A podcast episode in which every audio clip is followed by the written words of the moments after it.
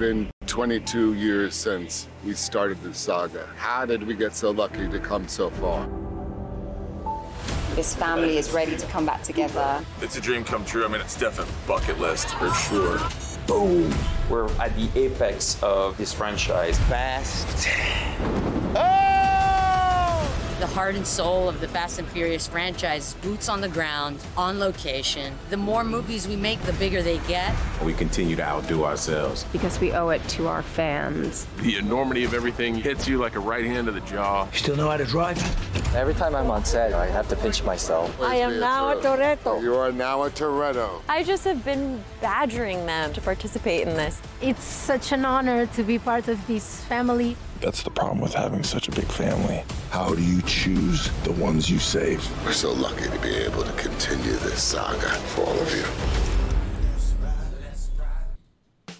Ćao svima i dobrodošli u najnovi izdanje Lab 76, dobrodošli u izdanje broj 312, dobrodošli u izdanje posvećeno Moto Grand Prix i naravno ekipa je ponovo na okupu posle 7 dana ili 6, tako to još niste videli. Ćao deki, Dejan Potkonjak naravno je tu, moje malenkosti, mi ćemo vas nadam se, informisati, zabaviti i sve ostalo što ide u paketu sa motociklizmom. Mislim i dobro. Super. Dobro, dobro mi izgleda. Dobro ti majice, čekaj. Ako nije Lab 76, onda je Fast and Furious 10. Ko nije bio u bioskopu, pa eto. Posetite bioskope, jeste, partneri smo sa Paramount Films, jeste, plaćena je reklama, ali bez obzira na to mi smo se lepo zabavili, a tek ćete da vidite majica. kako smo se zabavili i lepa je majica, da. Ima tu nekih elemenata, ne moram sad da ih otkrivam, ali, ali, ali, ali recimo da je studio popunjeniji nego što je bio.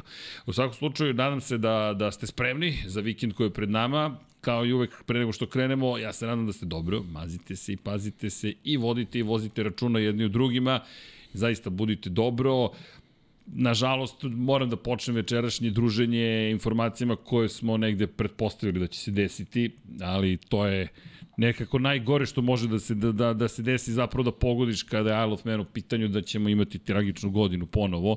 Ja se iskreno nadam da smo završili sa, sa lošim vestima sa Isle of Man, ali prošle nedelje kao što smo rekli, posvetili smo emisiju priči o toj neverovatnoj najopasnijoj trci na svetu. Nažalost, dočekali su nas tokom ove, ove nedelje već vesti koje smo, kao što smo rekli, prošle nedelje, ko nije pogledao, neka pogleda tu emisiju, Deki imao citat zapravo, ne sećam se kog gospodina koji je uporedio ovo sa zapravo usponom na Mont Everest i koji uvek sa sobom povlači, nažalost, i ljudsku cenu ovoga puta Nažalost, španski motociklista Raul Torres Martinez izgubio život i nemamo šta da kažemo. Dakle, ovo je još jedna pogibija vozača, 267 ih je sada izgubilo život, samo kada pričamo o vozačima, 46 godina je imao, dakle, neko naše godište, otprilike čovek koji je voleo trkanje, inače je jedan od dražih ljudi prema rečima onih koji su imali priliku da ga upoznaju,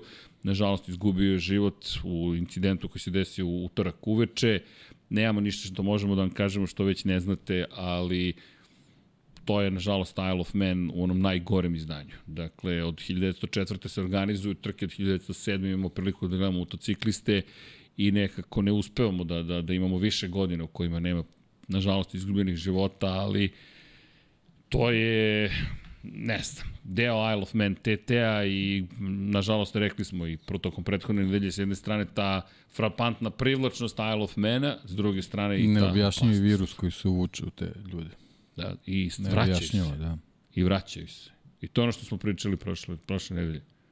A, a znaju opasnost i znaju da su velike šanse. Nažalost, kada pogledaš statistički gledano, ogromne su šanse i opet idu tamo, možemo samo da kažemo da nam je žao i saučešće porodici naravno, a kada je reč o Ralu Torasu Martinezu, pamtimo još jedno ime da. koje smo nažalost. Najbrži španac ikad na, na ovoj stazi. Šteta. Nemamo šta drugo da kažemo, zaista. I baš je tragedija TT u odnosi još jedan život. Super Twin trka je da. bilo u pitanju. Ako da, izjavio da znači. mu je želja bila da trku završi među prvih 20 i u trenutku nesreće u poslednjem krugu trke bio je 19. Tako blizu. Ali nažalost Isle of Man odnosi još jedan život. I to je ono što će uvek pratiti, pretpostavljam, Isle of Man. Da, očigledno koliko god je iskustvo, s obzirom da je, da je čovjek bio izuzetno iskusan, šesta godina na, da. na trci, to je jednostavno ovaj, svaka je, svaka je ozbiljan izazov za sebe. Nažalost, sad ironija u celoj priči, najbrži svoj lični krug je postavio upravo tokom večeri kada pa, izgubio. prethodni krug, da. da. I u tom momentu se desila nesreća na između 16. i 17. milje na stazi. Možemo samo kažem da ponovimo još jednom, Isle of Man privlači, zastrašuje, Verovatno ćemo, nažalost, iz godinu u godinu ponavljati istu priču, ali samo možemo da im poželimo da se, ukoliko se desi neki incident, ipak izvuku iz te cele priče, kao što smo često viđali na Isle of Manu, ali u svakom slučaju slavamo i reći ćemo da ćemo pamtiti, ali nažalost u toj grupi ogromnoj ljudi koji su izgubili život, teško će da se ističe samo jedno ime, verovatno ćemo nažalost pričati opet o brojevima, ali eto, to je, nažalost, prvi izveštaj sa Isle of Man, te, te a koji u toku, inače, tako da... Da, i još traje. Da, još traje i ne znamo naravno ko je pobednik veliki, da kažem, da. trke, saznaćemo. Danas je bilo ludilo u supersportu.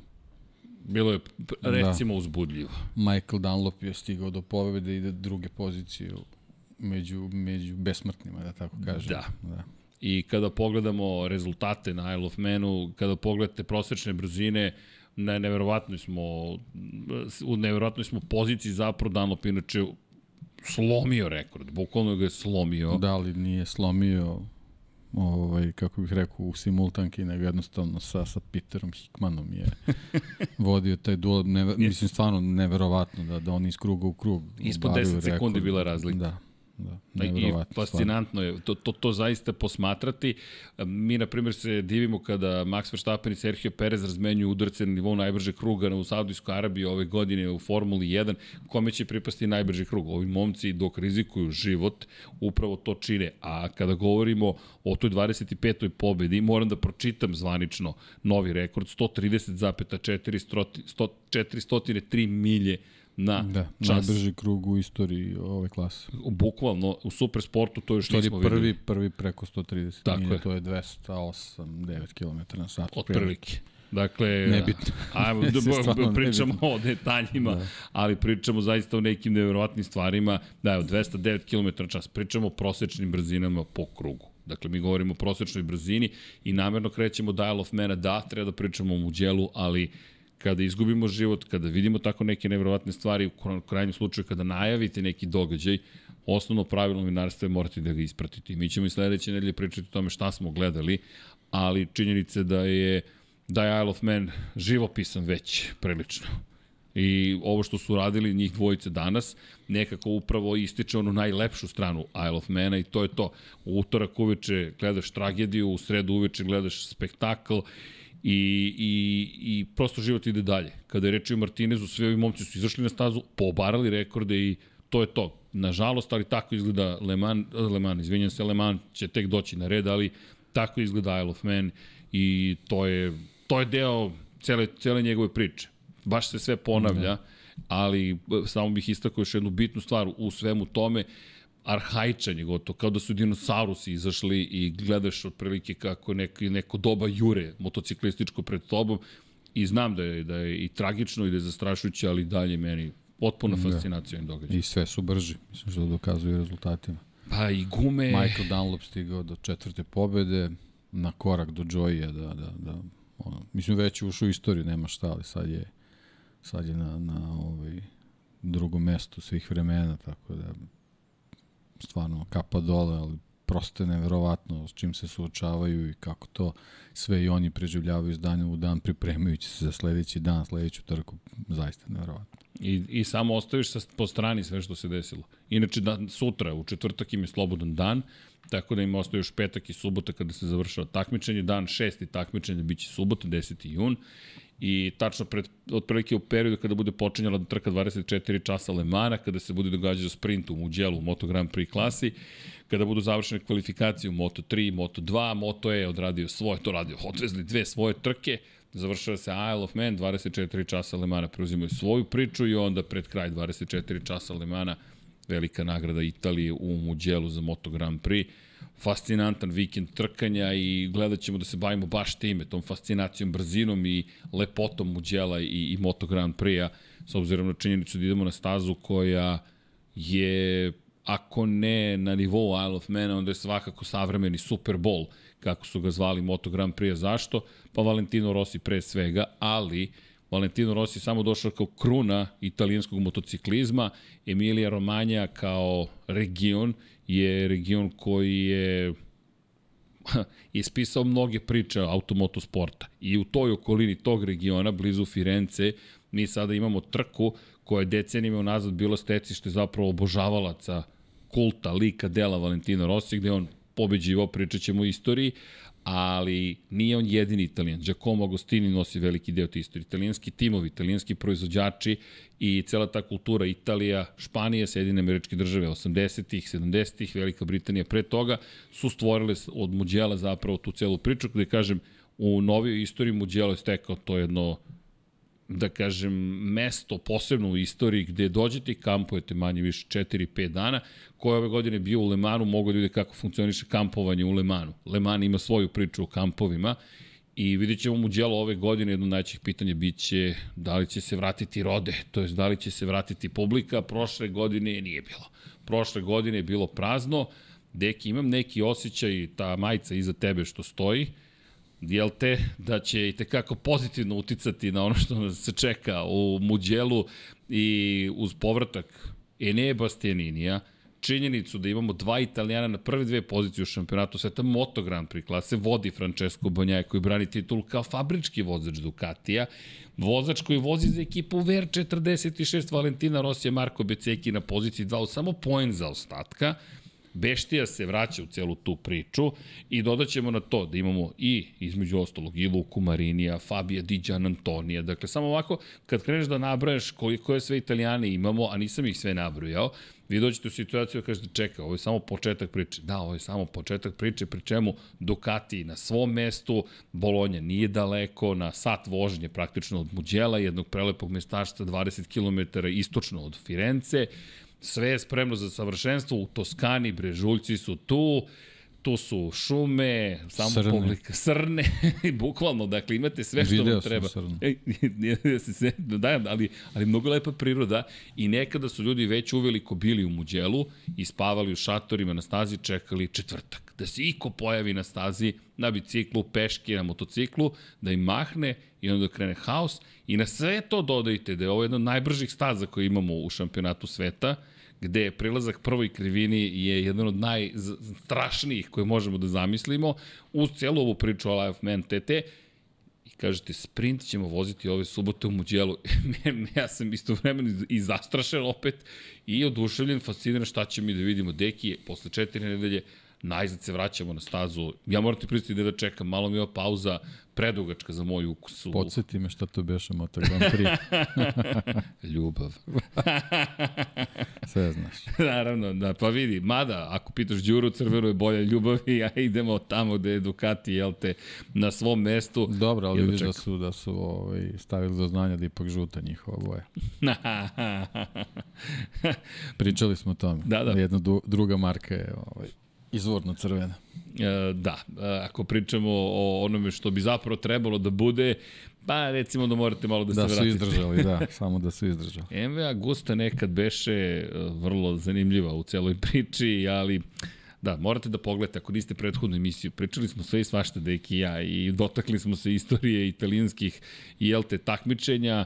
Ali Ducati je sada taj koji zapravo nosi tu boju i ima prednost u šampionatu. I kada, ne samo prednost u šampionatu, kada pogledaš i Ducati je taj koji tekako priča jednu veliku, ozbiljnu priču, vidjet ćemo da li će, da li, da li će pobediti, pa ako ne pobede, ne znam kada će pobediti, ali, ali, ali u špici ste videli da smo ubacili jednog momka koji ne vozi za Italiju, ne vozi za italijanskog proizvođača, dolazi iz Španije, zove se Mark, preziva Marquez i trka koja je odvezao pre četiri nedelje je toliko fascinantna da, moram ti priznati ove četiri nedelje, kako srećem gledalce, ljubitelje Moto Grand Prix-a, mnogo njih je ponovilo istu priču. Ono što je radio u Francuskoj je na nivou zaista nečeg neverovatnog. Nije završio trku, ali mislim da na ovom mestu, na neprijateljskoj teritoriji, i te kako želi da uspe, a samo bih napomenuo da uz činjenicu da ćemo imati priliku da gledamo popimo ono, probne vozače, bit će ovde baš gužva na stazi i Michele Piro će takođe biti tu na Ducatiju, makar bi trebalo da bude, nadam se da hoće. I kad odamo u celu tu priču da imamo povratak, jel te, pokušaj Yamahe da nešto više učini tamo gde je došla do pobedničkog postolja sa Fabijom Kvartararom, nekadašnjim svetskim šampionom, da Franco Morbidelli vozi kod kuće kao još jedan italijan u celoj priči, da je Aprili na domaćem terenu sa četiri svoja vozača, baš je onako miks. I, I sam uvod da napraviš ti je zapravo cela priča otprilike ali moramo da jednostavno koga izbaciti te priče. Nažalost, jednu vest imamo koja nije ona koju smo želi, Pole Spargaro još uvijek nije spreman da vozi, tako da će propustiti veliku nagradu Italije. Misliš, mudro je da ne vozi. Slažem se s tobom, ali samo pokazatelj koliko je ozbiljna povreda bila. Pa, znaš, da, iz, da izabereš povratak i to bude baš muđelo u ovom trenutku, mislim da nema razloga. I, i, I ne samo da nema razloga, nego to je toliko velik rizik. Jedan od najvećih rizika, kao što Mark Marquez može da posvedoči, kada se nedovoljno oporaviš, a uđeš ponovo na stazu u ovom slučaju i pokušaš, pogoršaš povredu, e onda po stvari postaju mnogo komplikovane. Tako da čekamo Pola Espargara, ne znamo kada će se pojaviti na stazi. Zaista, nemamo pouzdanu informaciju, ali ono što je fascinantno pride za Mugello, Ljudi, čitam datume, 11. jun, 18. jun, 25. jun. Prosta matematika kaže 11 plus 7 plus 7 tri vikenda za redom u kojem ćemo mi imati spektakularne trke u Italiji, Nemačkoj, Holandiji i onda odosmo na pauzu do 6. avgusta. Dakle, posle ove pauze od četiri nedelje, bum, bum, bum. Idemo u Mugello, idemo na Saxon, idemo na Asen, sprint, sprint, sprint, glavna trka, glavna trka, glavna trka, pauza i onda naravno kreće ostatak sezone. Od 9. do 20. trke, od 6. avgusta do 26. novembra. Tako da, deki, ovim Muđelom počinje jedan baš ozbiljan period, jer ovo su tri trke. Mi smo tek završili pet trka ove sezone. I sad ćemo imati tri trke Deset. u Uh, ok, 10 trka ove sezone, hvala. Pozdravio se kolega Đankić, ali da, inače samo da najavim ko, je, ko u subotu želi na, po, po, novi kanal koji će biti spreman, zove se Geto by Aleksandar Đankić, neke zanimljive emisije vam dolaze, ko zna šta je Geto, ja cenim da naš mladi prijatelj ne, ne zna šta je Geto, ali nema veze, to iz neke davne, pro dinosaurusima pričamo u ovoj emisiji, tako da Park iz doba Jure još jedan stiže, ali čisto da znate eto da je gospodin Aleksandar Đankić ponovo aktivan, pa ćemo nadam se videti nešto zanimljivo i čuti. Mihajlo... Park iz isprati. doba Juri, blok iz doba Geta. O, može. Park iz doba Juri, blok iz doba Geta. Da, ali Čika Džanki je vredan tako da eto, ispratite. Deki, Mugello, Saxonring, Asen. Ajmo, odakle da krenemo uopšte, čekaj. Od Asena. Od Asena. ne, ne, vidi, ja, ja moram ti priznati da, ok, uvek jedva čekam, ali velika nagrada Italije ima posebnu priču. Kada pričamo o velikoj nagradi Italije u Moto Grand Prix, mi zaista pričamo o jednom posebnom mestu, pričamo o stazi koja kao što smo rekli, jedan od najbržih koji možete zamisliti. Sam opis staze, kada vi idete startno ciljnim pravcem, to što smo pričali prošlog put, ne znam više gde sam pričao, ali ti izlaziš na startno ciljni pravac tako što izlaziš iz staze, koje, iz krivine koja je pod nagibom.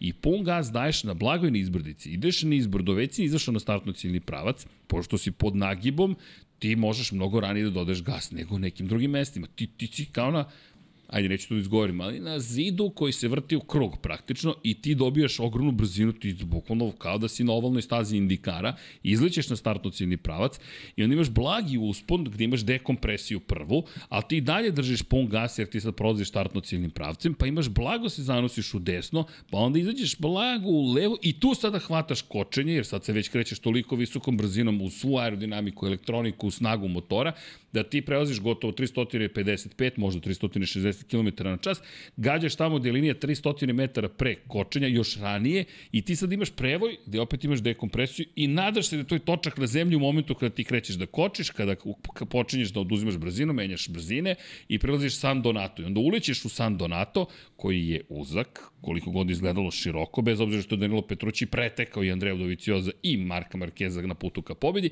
onda ideš uzbrdo, dakle sad se penješ, penješ, penješ, pa krivira 2, 3, pa idemo 3, 4, 5, pa si sad došao do, do prvog vrha brda, pa ideš u, u, u Kazanovu sa Veli. gde, gde se ide na hrabrost. Jedan od drugara koji je vozio track day u Muđelu, instrukcije su bile sledeće. Ovako prolaziš Kazanovu sa Veli. Tri puta je pokušao i ne uspevaj. I instruktor mu kaže, to nije ovde. To je koliko si hrabar da prođeš kroz Kazanovu sa Veli. Na kraju je bio dovoljno hrabar, sekund i po je našao, dole, desno, dole, levo, pun gas, kompresija, pun gas, ideš uz Arabijatu 1, Arabijatu 2, pa ponovo na prevoj gore na vrh brda, pa se spuštaš pa opet S krivina, pa ideš na dole ka, ka nije Korentaju, nego ideš, da, to je Korentaju. Tu skrećeš desno, Dukatijeva tribuna će valjda biti tu, pa Bandeti 1, 2, izlaziš pun gas ka Bućine, koje su poslednja krivina i onda opet tu si na ovalu, pun gas i to je preko 5 km, ti to i ti nemaš pauzu tokom kruga i sve to završavaš, krunišeš brzinom od 360 km na čas. Srećno. A voziš sprint okružen italijanima, na italijanskim mašinama, koji žele samo jedno, da se popnu na pobedničko postolje na poziciji broj 1 u Muđelu. Inače, ove godine, posle glavne trke, će biti i DJ party. Super. Jupi! Ali to je potpuno nevažno, nego sva da, publika... Koga ne zanima trka, nek dođe na DJ party. ali eto, tako da zaboravio sam umetnice, kako se zove, koja će biti gore, koja će puštati muziku, ali čisto znate. Ali naš DJ party se desio ovde, a DJ na desnoj ruci svira. Tako da, to, to je muđelo. Za mene to zaista muđelo i kada pričamo o onome što očekujemo, pa ne, ne, šta, ja ne znam šta, šta da očekujemo. Očekujem spektakl, očekujem inače ugovore, da se pojavi italijanski sponsori, da svi imaju pun padok. Prošle godine duvala proba kroz padok, inače iz Dorne me ubeđu, ne, bila je gužba u padoku prošle godine. Kaže, naravno da nije bila, nećemo da menjamo istoriju, drugari, nije 1984 ali očekuje ove godine će biti baš puno, pogotovo uz rekordni boj gledalaca u Francuskoj, uz sve što su italijani postavili. Ako sad ne dođe italijanska publika, nego kaže nema Valentina Rosija, piši propalo, ali zaista, pa ne znam, deki, kad će se onda pojaviti? Šta treba da urade Banjaja, Beštija i ostali da privuku pažnju? Pa ne znam, meni je najveći problem u stvari ove, ove sezone to toplo-hladno vezano za ove pauze koje imamo. Zaista mi je ono, neke stvari su ovaj, pomalo nejasne, ali generalno u ovom slučaju stvarno može samo da dovede do toga da su ljudi zaželeli trka. Mislim, i ono, kao posle pauze gde čekaš, dođe ti mu djelo. Ja stvarno ne znam šta, šta može bolje od toga da bude. Tako da, ovaj, ne znam, super je stvar i za, i za vozače i za, i za publiku, tako da, eto, nadam se da, da ovaj bolji, bolji poziv od toga i ne treba. Zaista ali bukvalno bolji poziv ne treba i dođite, idite u Muđelo ako već niste se spakovali otišli, ako ne, gledajte Muđelo. Muđelo, kažemo, je jedno od novih staza kada posmatramo istoriju, ali nije on tako mlad, nego je samo prosto Mizano igrao neku važniju ulogu, Imola, Monca, oni su se smenjivali dugi niz godine, e, od početka 90-ih Muđelo počinje polako da preuzima primat i onda uz pojavu, kao što smo rekli, Valentina Rosija, mada prvi kralj ove staze je bio Michael Duan u, u kraljevskoj kategoriji, Michael Duan, nepobediv. Dakle, od 1994. kada je trajno došao na, na, na, poziciju u kalendaru Mugello, Duan, Duan, Duan, Duan, Duan. Pet pobjeda Duana na Hondi i to baš u njegovim šampionskim sezonama. Onda je došao Alex Krivije, pa Loris Capirosi, pa Alex Baroš i onda čitam Valentino Rossi, Valentino Rossi, Valentino Rossi, Valentino Rossi, Valentino Rossi, Valentino Rossi, Valentino Rossi, Casey Stoner, prekida taj niz, nikad se više nije vratio na vrh pobjedničkog postolja, jednom kad imao šansu 2016. ozbiljno otkazala je Maha, čuveni taj prevoj, nije namestila elektroniku da blokira motor da ode u previsoke brojeve obrtaja, Lorenzo je pukao motor, Jorge Lorenzo, njegovom klubskom kolegi u fabričkoj Yamahi dan ranije u kvalifikacijama, Rossi u trci i posle toga Dani Pedrosa, Jorge Lorenzo, Jorge Lorenzo, Jorge Lorenzo, Mark Marquez, Jorge Lorenzo, Jorge Lorenzo, Andrea Dovizioso, Jorge Lorenzo, Danilo Petrucci, Fabio Quartararo, Francesco Banjaja. Ili ti od Jorge Lorenza, koji je uspeo 2015. i 16. da slavi dva puta za redom, niko nije uspeo da ponovi rezultate. Dovi, Jorge, Danilo, Fabio, Francesco. Prošle godine Francesco Banjaja. Da, pa... Tako se dolazi na da, podcast. Da, da, vezano za, za, za te ovaj, staze. Imola i Mugello su eto nekako imale nesreću da budu u Senci, Monce i, i ovaj, Mizan. Mizan, tako je. Ovaj, svaka u, u svojoj nekako kategoriji i eto te neke nesreće koje su dešavale u Monci i, i Mizanu su dovelo do toga da se Imoli i Muđelo pronađu u kalendaru, to jest da, da, da dobiju svoju priliku da, da, da se isprobaju, da, da se vidi kako funkcioniše i od tad su nekako, ovaj, da kažemo, na ovoj istoriji one postale legendarni i, i nezamenljive, što ispostavilo se uopšte nije loše i zbog, zbog trka koje smo dobili i na jednoj i na drugoj stazi. Ovaj, tako da potpuno je nekako meni ono već već potpuno uobičajeno da da da o Muđelu tako pričamo zašto zaista ovaj zbog nekih dešavanja u u prošlosti vezano isključivo pričamo o Moto Grand Prix klasi stvarno je ovaj apsolutno zasluženo da se takva euforija diže u ovoj stazi bez obzira koliko će gledalaca biti ili ne, mislim da nas očekuje spektakularna trka, a po prošle godine, kada pričamo o, o uspesima, o rezultatima, u Moto Grand Prix ono što smo videli je bila trka koja je završena neizvesniji možda nego što je očekivano. U jednoj sekundi je Fabio Quartararo na kraju bio u odnosu na Banjaju, Aleš Espargaro je bio na pobjedničkom postolju na Apriliju, jedan predivan trenutak za Apriliju, na dve sekunde za ostatka, ali ta neka uspomena Fabio na Muđelu, e, jedan od navijača Fabio Quartararo, pozdrav za našeg dragog Ivana, pozdrav za Vambli Sapu, danas sretoh Vambli, Vam, Vambli Sapu. Ko nije posetio Vambli Sapa Instagram, molim vas, dama koja crta, slika, koja je naš Patreon, sreli smo se, ja na sastanku nekom mi kaže, moram da se javim, Vamblisa, pa rekao to, Vamblisa, pa, pa veliki pozdrav, pa eto, samo želim da iskoristim, pozdrav i za Čerkicu, koja je rekla na pitanje za koga naviše, sa Fabija Kvartarara. Tako da, e, pozdrav i za nju. Ako ništa ne uradim u djelo, mislim da mu je Asen poslednje mesto, tamo gde je sve pošlo napako da. prošle godine, mislim da možda ove godine može da pođe u nekom pozitivnom smeru. Ali ovde... Možda i od Muđela. To vam je ironija definicije. Dakle, Miriam Webster rečnik će ovo prikazati. Šta kažete? Saxon Ring mo... Da, nadam se. Nadam se. Ajde da vidimo. Evo, drugi dobacuju ne, ovo, ovo, su, ovo su tri vezane trke gde možda može da se spase sezona. Sezona. Ako, to možemo tako I imaš potpuno tri različite staze. Da. Ovo imaš stazu koja je i tekako zahtevna. Ovde su krivine ključne. Koliko god taj pravac bio spektakularan daje ti šansu da pretičeš, ali u krivinama šta možeš Ovde da Ovde majstorstvo izla, izlaska na startni tako pravac. Tako je, tako je. Ma generalno, kad prolazi te prolazke, koliko hrabrosti i veštine to traži, staza je jedna od najboljih koje možete da, da i posetite i da uživate u, u bravurama koje ljudi izvode. Ja dalje pamtim, ne znam koje godine, e to 2016. mislim kad je Lorenzo pobedio Markeza. Biondetti 1-2, tamo se ne pretiče, to se ne radi, njih dvojica, jedan, drugi, e mogu ja, mogu ja još bolje i na kraju, pazi gde je bila Yamaha pre 7 godina, Marquez prvi izlazi na startnu ciljni pravac. Lorenzo je u zavetrini i on uspeva na Yamahi da ga dovoljno dobro prati u zavetrini, izađe iz zavetrini i pobedi. To je danas nezamislivo. Bukvalno koncept koji deluje kao da je neki pa, san. ono, možda i to dobro poređen koliko u stvari kasne s tom aerodinamikom. Da, i, pa i pitanje da li bi Honda mogla da možda Honda Yamaha, ne nužno, ali mada je Honda u boljoj poziciji, ali Ducati, zato, kako, kako? Možda za 10. Možda za 10 godina. za deseto mesto. Ne, ne, ne, ne, ne, nadajmo se da će biti bolje. Ali činjenica da ta 2000, ma mnogo smo ovde lepih trka imali. Od Moto dvojka i Moto trkama ćemo tek da pričamo. Inače, od ovoga vikenda i Moto E izlazi na stazu. E, to želim da vidim. Moto E u Muđelu. I čisto da vikend bude potpuno pun, Red Bullov kup Novajlija. Tako da, ko ode u Muđelo ima da se nagleda trkanja i trkanja od jutra do sutra. No, da se mi vratimo na, na Moto Grand Prix. Deki, moramo da pričamo pre svega o italijanima. Ajmo vodeći dvojci. Nemamo šta da najavljamo ovde. Možemo samo da se podsjetimo šta smo videli, jer ka šta pogodit ćemo, ko će da, igraćemo se naravno, ko će da pobedi, ali evo zavrće se ovde rukavi, svi se spremaju samo u ćelo, znaš kako, šta će se desiti.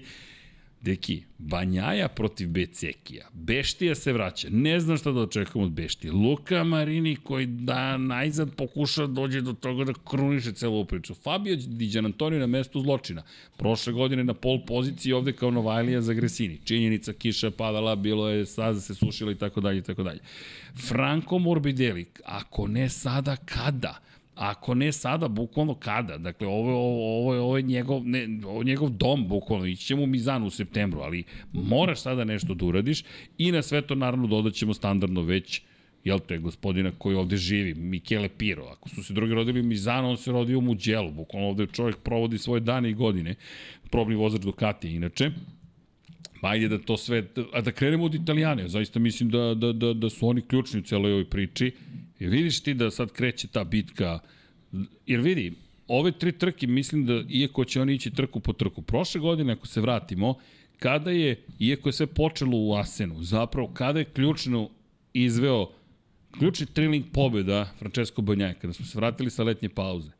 I kada je išao trku po trku i to smo rekli, Velika Britanija, Mizano, pre toga Red Bull Ring. Ako to uspe da spoji u priču, sve moguće. E sada, ja bih gledao Marka Becekija. Ako sad uspe Mugello, Saxon Ring, Asen da veže, to je već ozbiljnija situacija. Ti sad posle na nekoj eh, trećini sezone, pošto osam trka, nisi na polovini, si u nekoj situaciji koja malo drugačije odlaziš sa posebnim mindsetom, razmišljanjem na letnju pauzu. To je moje viđenje stvari. Mislim da sada počinje zapravo baš ozbiljna bitka čak i za titul. A počinje ozbiljna bitka, a što se te čitave priče tiče vezano za Becekija, mislim da se on nalazi u situaciju u kojoj se nijedan motociklista ranije nije nalazio a, vezano za, za tu njegovu poziciju, da kažem, outsidera u toj či- čitavoj priči.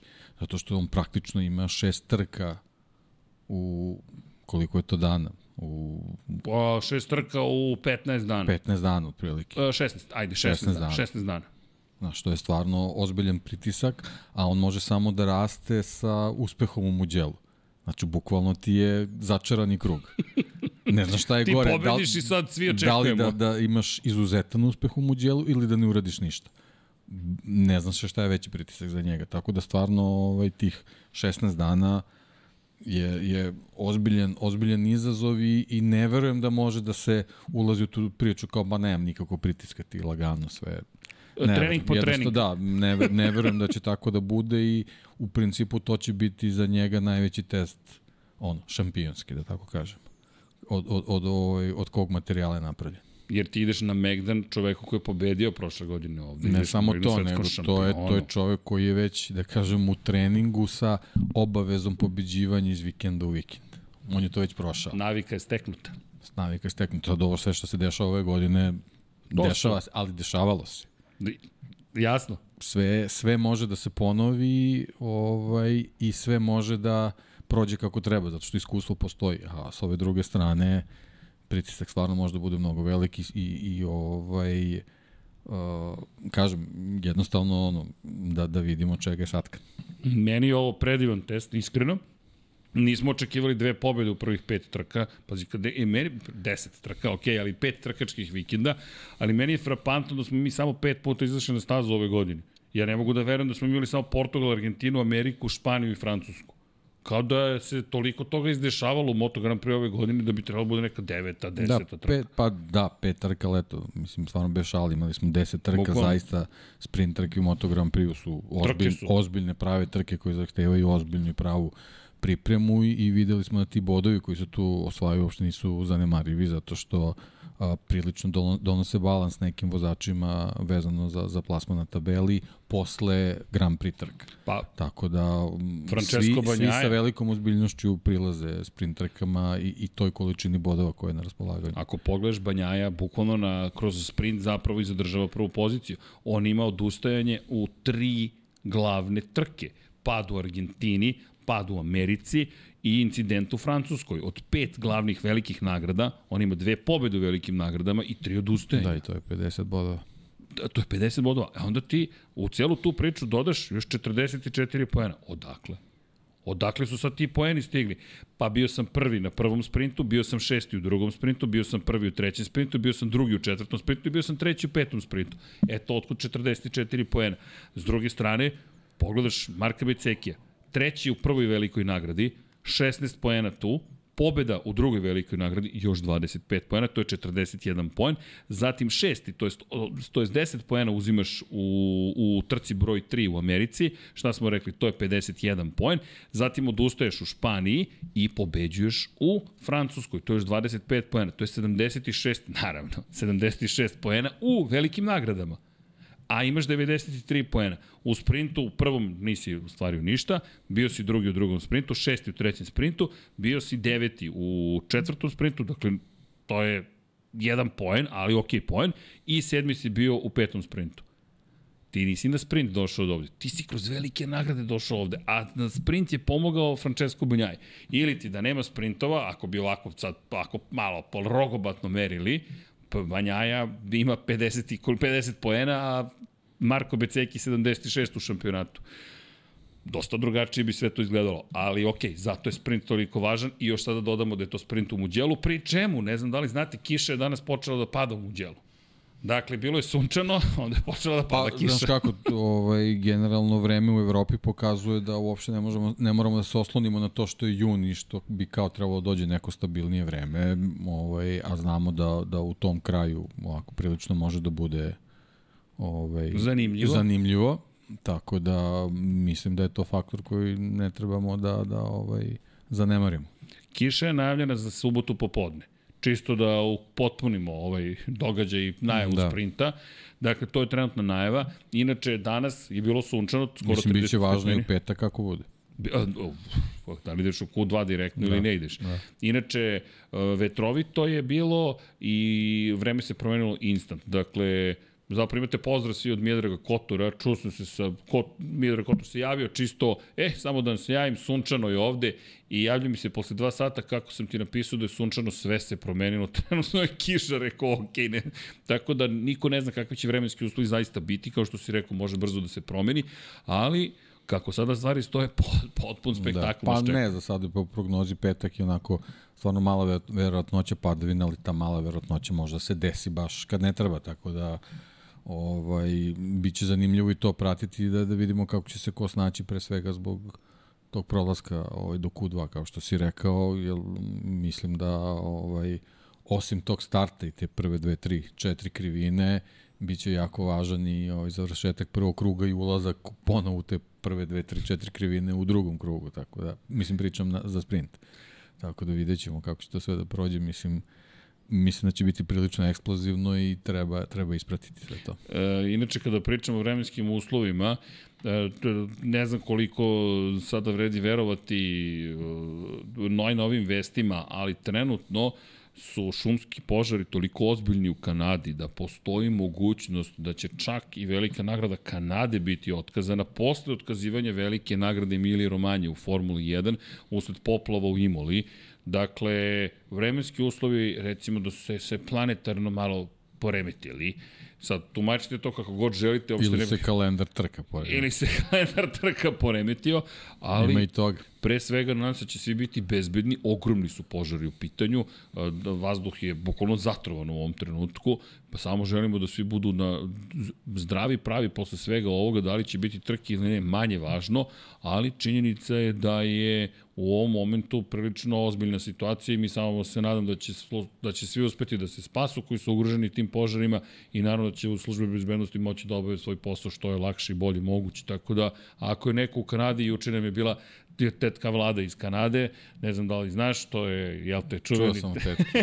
Da. tetka vlada je bio tu ili bila, ne znam sad kako da, da to iskombinujemo, ali lepo smo se proli pozdrav za vladu koji ima taj nadimak, pošto čovjek živi u Kanadi i tetka vlada iz Kanade prati Lab 76, tako da je bio u poseti studiju, ali nadam se samo eto da će svi biti dobro. Ali da ne, ne zaboravimo i tu informaciju, prosto u Kanadi je trenutno baš ozbiljna situacija. Elem, da se vratimo u Muđelo, možda će čak i padati kiša povrh svega, čisto koliko mi je potrebno još malo zabave. I sad, Becekija sam namjerno isto kao, kao prvog zato što smatram da on to momak zaslužuje. Ako negde postoji iznenađenje, to je Marko Beceki. Dakle, da zabeleži dve pobjede, po kiši jednu, o, možemo reći očekivano. Po suvom u Lemanu, Znači, ispašće njemu deluje sve jedno kako će biti vreme u, Muđelu. Samo da dođe u Muđelu. Nije to loše. Nije loše. pazi, ne da nije loše, nego izvrsno, ali naravno Banjaja se tu mnogo pita, svetski šampion brani taj broj 1, Ducati, inače, samo ću kratko reći, evo je majica Alvara Bautiste, ako je suditi po majicama šampionskim prošle godine, Ne, Alvaro, ja, ja nemam reči više za Alvara Bautistu i ako mi neko kaže da je samo do motocikla, poješću ovu majicu, zaista, zato što nije do motocikla. Deki, on je čovjek van, ovo nije životna forma više, Toprak se trudi, svi se trude, ali tu nema šanse. Pobeda, pobeda, pobeda. Čisto da vam pomognemo oko rezultata prethodne runde svetskog šampionata u Superbajku, koji svi hvale da je neizvestan i vrlo uzbudljiv i tako dalje. I ja kad pogledam trku kažem, ok, vidimo svi ne, već... Ne, priča kako Formula 1 dosad. da, da, da. ok. A ovde čovjek dođe ne jednom, nego tri put za vikend pobedi. Ali da, šta ti je stvar e, percepcije i perspektive, jel te? I, ali da, Alvaro Reda, ne pušta. Tako da Ducati verujem da inspiriš Kao, znaš, stiže. pričamo o Ostaru Man, ja spominjem nekog Petera Hickmana, kako će da iznenadi, ono Dunlop čovjek pobedi četiri puta, okej. Okay. Nema. Da. Znaš, kad dođe taj moment... Sve je neizvestno. Da, da, da, da.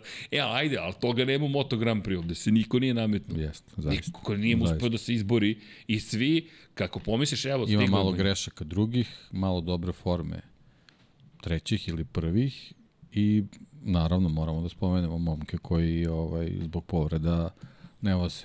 I to je to je bitan momenat koji je verovatno i uticao na, na, neki, na neki plasman koji imamo u ovom trenutku.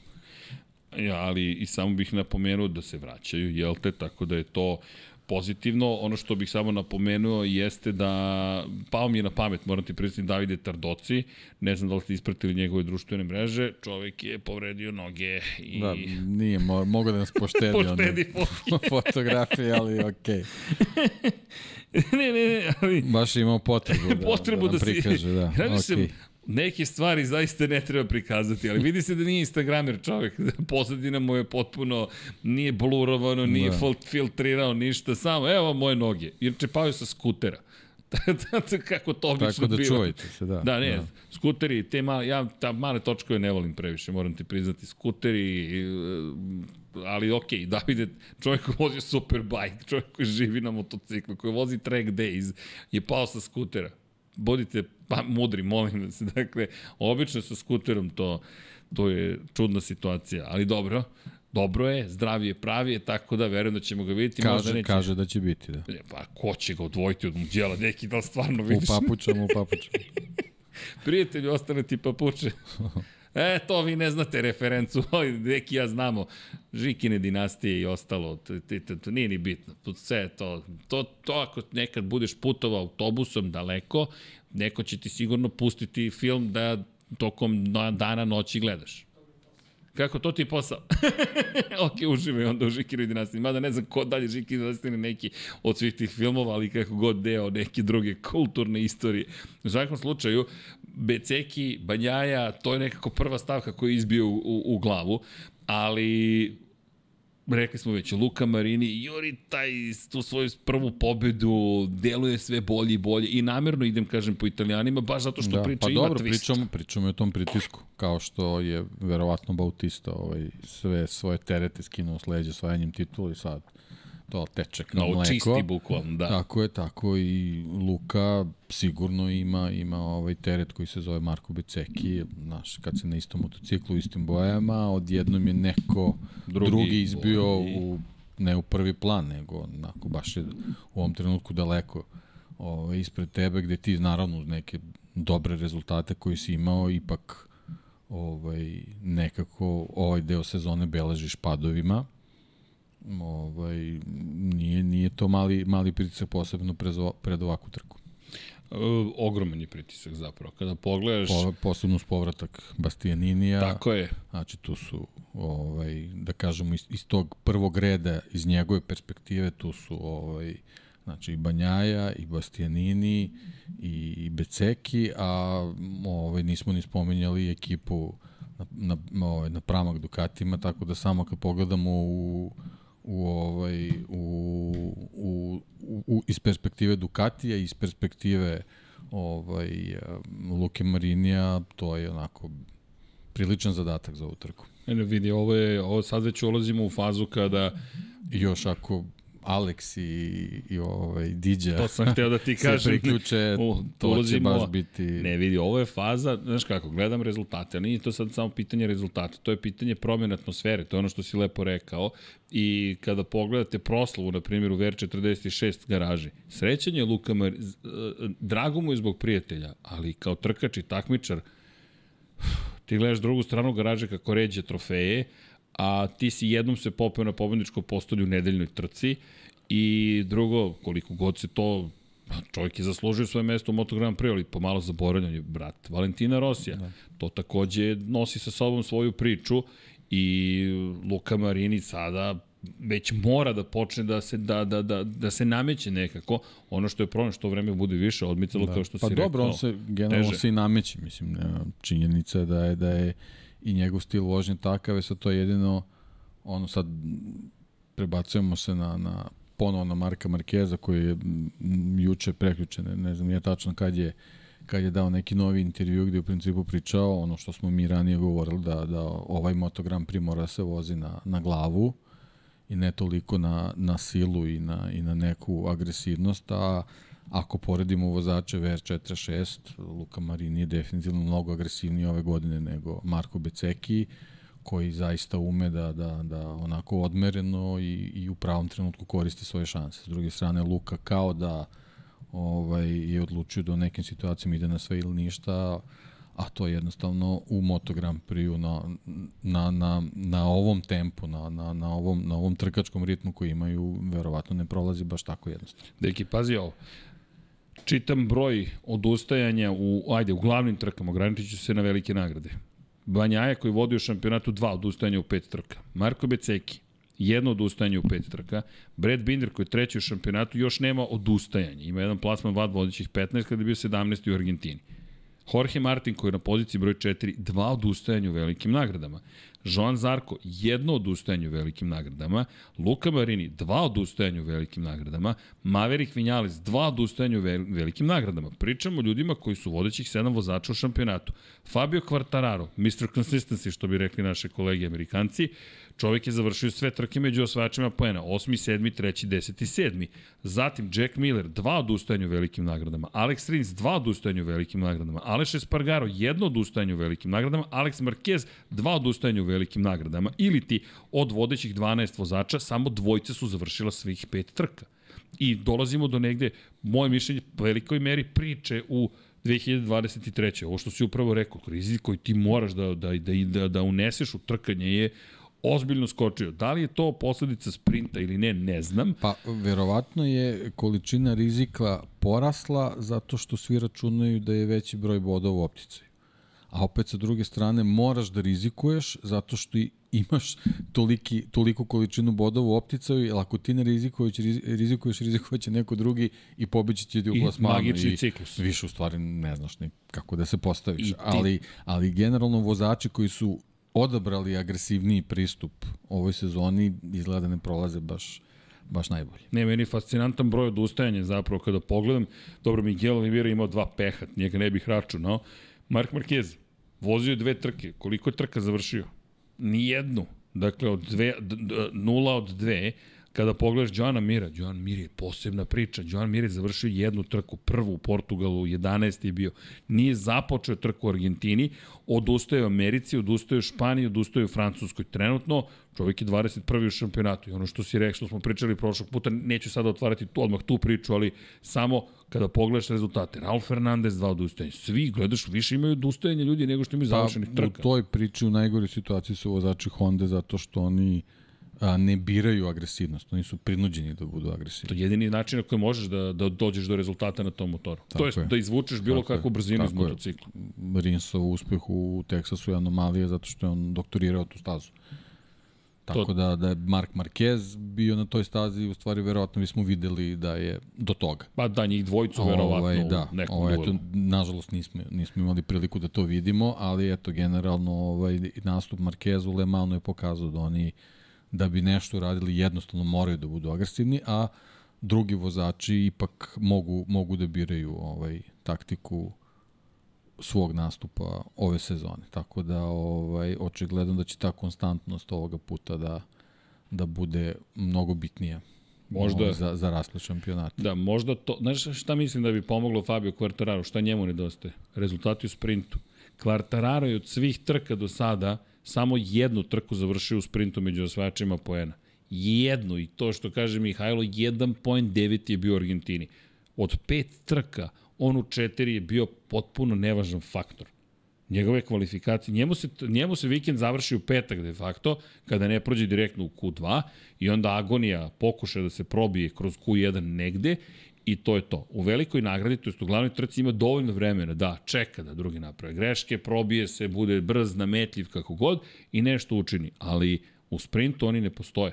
I kada pogledaš rezultate, šta hoću da kažem, čak ni činjenica da si konstantno na kraju, na cilju, na točkovima, više nije dovoljna. Što opet te vraća u magični krug. Šta može Kvartararo da Pa morat će da rizikuje. Gde? U kvalifikacijama. Ako se u kvalifikacijama probije negde tamo napred, onda mora da rizikuje na startu.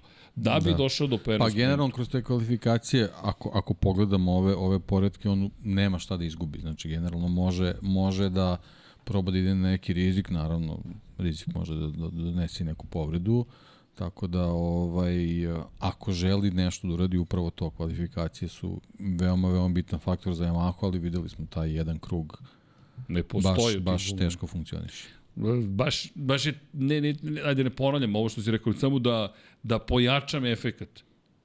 Taj motocikl i meke gume i jedan brzi krug, to, to, tu nema spoja. A to je čovek koji je baš to se prostavio kvalifikacijama.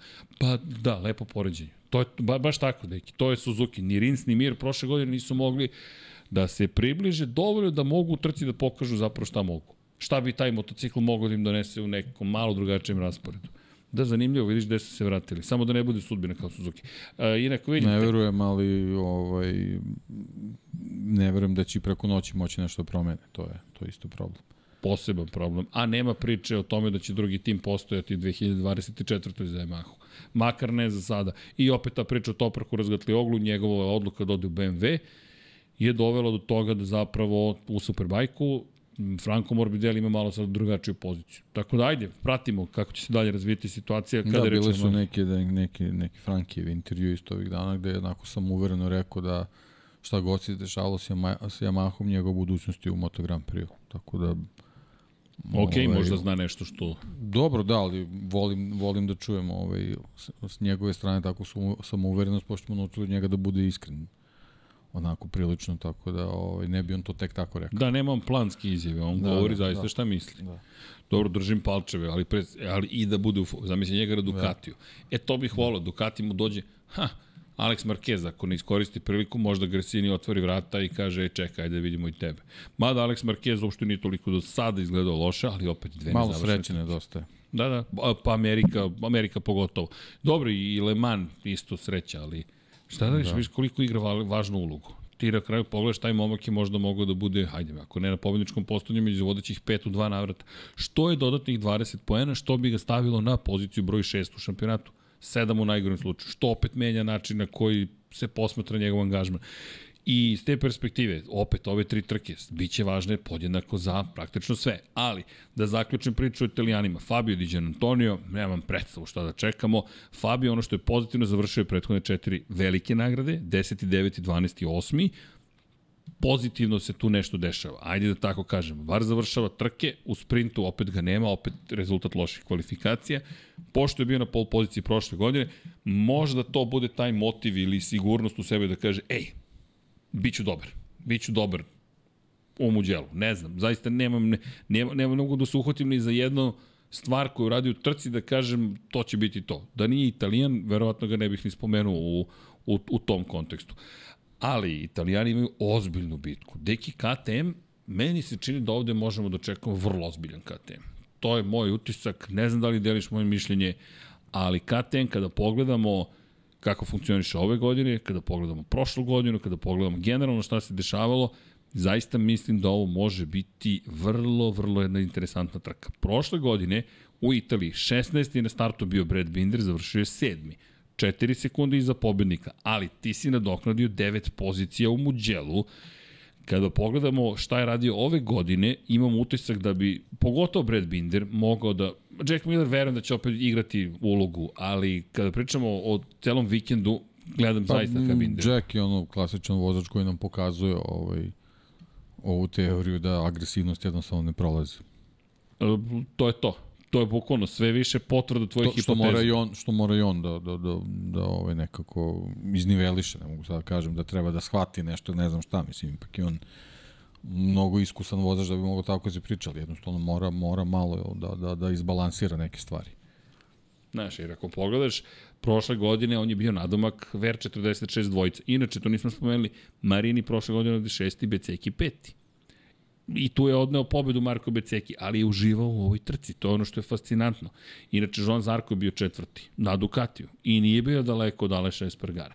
I sad, kada pričamo o, o, o italijanima, možda nisu italijanski vozači, ali su italijanski timovi za prima pramak, ovo je najvažnija trka uz Mizano. Čak i važnija od Mizana, jer još više sponzora se pojavi u Muđelu. I vi sada morate pred sponsorima da budete fantastični, cijela ekipa će vam biti tu, tu se organizuju žurke, večere, događaj, doživlje i tako dalje. Pored toga, za prima pramak voze, jel te, Joan Zarko i Jorge Martin. Jorge Martin koji, ja mislim da je ušao u formu. Ja mislim da, da je Martin ušao u formu, Da li će održati, to je upravo ovaj test. Ove tri trke će nam pokazati da li možemo da očekujemo nešto zbiljnije od Martina ove sezone. Zaista mislim da je super period za testiranje. Bio si četvrti, bio si drugi, četvrti u sprintu, prvi u sprintu, ajde, da, ajde sad. Pa ja sam ono, mislim, i šala, nakon nazvao sam ga prošle godine One Lap Wonder, što stvarno je momak koji, koji ume taj, taj brzi krug da vozi i njemu možda ovaj format takmičenja odgovara zato što je uh, a, rasterećen u smislu da ne mora sve da uradi na, na velikoj nagradi nego ovaj može može da nekako ovaj skuplja skuplja da plodove sa više strana i kad kad izbalansira taj vikend eto sasvim sasvim pristojna pozicija koja koja nije stigla zbog toga zato što je uslovljen da u nekom trenutku mora nešto da uradi. Ima i popravni i Ovaj, mislim da, da se on jako lepo snalazi u čitavoj situaciji. Trenutno je tamo gde smo očekivali da. da će biti. Ovo je baš onaj Martin koga smo očekivali. Inače, kada spominjemo Martinatora, eh, imam jednu molbu, ako možemo da ubacimo, ali to, imam, imam jednu veliku molbu i sinoć smo pričali o tome, Uh, pričamo o Martinu Nikoliću, dakle imaćete priliku da, ajmo ovako, dakle kada govorimo o Martinu, E, govorimo o momku koga mi ne poznajemo lično, malo je teže Martina Lava Nikolića baš da poznajemo, pošto je dete od jedne godine. 1503 je zapravo kod na 30-30 koji, koliko možete da pokažete, bit ćemo vam više nego zahvalni. Pričamo o nekome koga, neću da kažem da, da ali imamo, da kažemo, lični odnos. Zašto? Zato što je Martin zapravo sin nekoga ko obožava i prati Moto Grand Prix. Martin, inače, prema rečima njegovog oca, gleda sve trke Formula 1 i Moto Grand Prix-a, tako da je on deo naše ekipe, očigledno je obožavalac Lab 76, dakle, tako da, najmanje što možemo da uradimo da vas zamolimo. I sad, ja se malo šalim da bi olakšao situaciju, ali ogromna suma novca je neophodna za njegovu potencijalno lečenje. Mi se nadamo da će biti uspešno skupljena. 85 miliona dinara je potrebno. Zaista je ogromna suma u pitanju, ali ja duboko verujem da možemo da se potrudimo. I možda 200 dinara deluje kao sitnica, nije. Verujte, 200 po 200, 200 po 200, 200 po 200, 200 po 200, tako ćemo doći do 85 miliona. Martin Lav Nikolić, kažem, drugar, pa da pokušamo nešto da učinimo i da mu pomognemo. Da, ima puno poziva ovoga tipa, ali tata ga zove Martinator, pa kada spomenemo Jorgea Martina, ne mogu da nekako ne spomenem i ovog Martinatora. Tako da, ukoliko možete 1503 na 3030, u Švajcarskoj na 455, Human 1503, ukoliko želite da uplatite na račune, bilo dinarski, bilo devizne, sve je prikazano na ekranu, dakle, humanitarna fondacija Budi Human je u pitanju I da, želimo da imamo jednaku šansu za sve. Tako da eto, Martin Lav Nikolić gleda Formula 1, gleda Moto Grand Prix, pa da bismo mogli zajedno s njim u Muđelu za koju godinu, da mu pokažemo uživo kako to sve izgleda, ajmo svi malo da, da uskočimo u celu priču. Tako da, to su, to su te bitke koje, koje želimo da, da, da, da dobijemo, prođem prošle godine, Tako da eto, u šampionskoj sezoni Francesca Banjaje. Pa eto da nam bude šampionska za Martina ova godina, a Martinator, pa Ako je pravi Martinator, mada nije ovo lažni Martinator, je samo novi Martinator, stari Martinator, stara verzija Martinatora može i do titule, nema problema pogotovo što sumnjam da može, ali, ali da li će biti brz, iskreno mislim da ovak, ovaj, ovaj tip staze da možete kako da mu odgovara. Ne smo mi da mu uska, uskraćujemo nikakvo pravo. Ne, ne, ne, apsolutno ne. ne. Samo taj, taj moment pramaka, meni je to mnogo lepo, da znaš i sam deki, svaki put kada odem na stazu posmatraš, posmatraš ljude. I kada vidiš u Italiji koliko pramaku znači, koliko svima njima znači mu djelo, to dodaje cijeloj priči dodatni pritisak. Pa da ne, definitivno posebno što znaš, ono, već eto nekoliko sezona tu show kradu i igre Sinijevci i VR46. Tako je, tako je. Moraju oni da se izbore za tu svoju poziciju onako te druge ekipe Ducati, da to tako, tako nazovem, koji nekako pomalo su izgubili, jednostavno kao da su u nekim trkama u, za, u zapečku. Tako je. A ipak šampionat govori da su tu, nisu oni baš toliko loši, ali očigledno moraju da budu bolji. Apropo šampionata timova, Monster, ne Monster, Muni Ver 46. Vi šta ti asocijacija zna Rosija i na, i na Ver 46. Muni Ver 46 Racing Team je prvi sa 147 poena. Poen manje ima prima pramak. Čekajte, gde su fabrike? Na trećem mestu Red Bull KTM Factory Racing, dakle 130 i ovde imamo grčki hor koji viče nema beštije, ali bez beštije nema ni nema titule u šampionatu timova, s obzirom činjenicu da Banjaja sve to sam vuče, ta 104 poena i apropo Beštije, ja jedno čekam da ga vidim. Dakle, Deki, nemam pojma šta uopšte može. Ta povreda lopatice, koliko ga je sprečilo da se on fizički priprema, da voz, on nije uvozan. Koliko god da on možda vežbao sa strane, ti nisi na ovom Ducatiju od kada? Od Portima. Dakle, mi govorimo o martu, ovo je sada jun, tri meseca su prošla, pa praktično ti nisi bio da. na ovom motociklu. To je mnogo dugačak period. I ideš u Muđelo. To je malo, malo kraća pauza nego Dovi što ima. Ko je za one koji ne znaju propustio celu sezonu? ali je Dovi zapravo vozio, stalno je testirao Apriliju, ali, ali da, nismo ga videli na stazi. I sad, Zverko, kada se vrati pravi zver, da, da, da će biti prava zver, pa ne znam, ali ajde da najzad vidimo taj broj 23 u jednoj punoj trci. Da li može čudo da izvede? Iskreno, mislim da će biti baš teško. Da, da izdrži celu trku, sprint, kvalifikacije i da sve to uz napade koji su neminovni sa svih strana, mislim da će to biti malo teži posao. Ali okej, okay kao što si malo preko, ko sam ja da mu uskratim njegovo pravo na pobedu. Tako da, Beštija, mene to jedna od većih priča ovoga vikenda, šta može? Šta može ne Bastianini u fabričkim bojama? Da, vidjet ćemo taj, taj prvi povratak, da tako kažemo, nije, nije bio uspešan. Ovaj, e sad je samo pitanje da li, da li, su, da li su u pitanju bile nijanse, pa je sad to sve nadograđeno, da je fizički u stvari sad kompletno sve okej. Okay. To ćemo videti po prvom izlasku na stazu, nema ne jednostavno znači. vide, vidjet će i on u stvari. Znači. Kao, kao što su bili ovi, ove, ove prethodne probe, tako da to je, to je što se njega tiče sad isto staza baš za povratak. ali odmiče sezone, jednostavno mora. mora. Moraš ova, ova pauza je u stvari bila takva da, da tu sad izgovora više nema. A i bila je dovoljna da, eto, ako, ako nešto nijansama nije bilo kako treba što se tiče fizičke spreme i, i, i same te povrede, sad je već bila tolika pauza da, da bi to trebalo da je okej. Okay. I inače, Možemo samo se nadamo, naravno. Naravno, ali pazi, tebi je sada i ovo prilika da uhvatiš neki poslednji voz ove tri, izvinjam se, tri trke za redom u 16 dana, šest zapravo trke računići sprintove, to ti je baš šansa. I u krajnjem slučaju da se da, pre nego što odeš na još duži odmor, ipak osjetiš motocikl. Pa neka i ništa ne uradi, Deki, odvezao si zapravo testove. Onda mogu ti ovo budu testiranja. Jedan sprint, glavna trka, jedan sprint, glavna trka, jedan sprint, glavna trka, dođe pauza od pet nedelja, ti kažeš, ok, bar sam vozio. Bar sam vozio. Ako nema rezultata, šta će biti u nastavsku sezone, ko zna.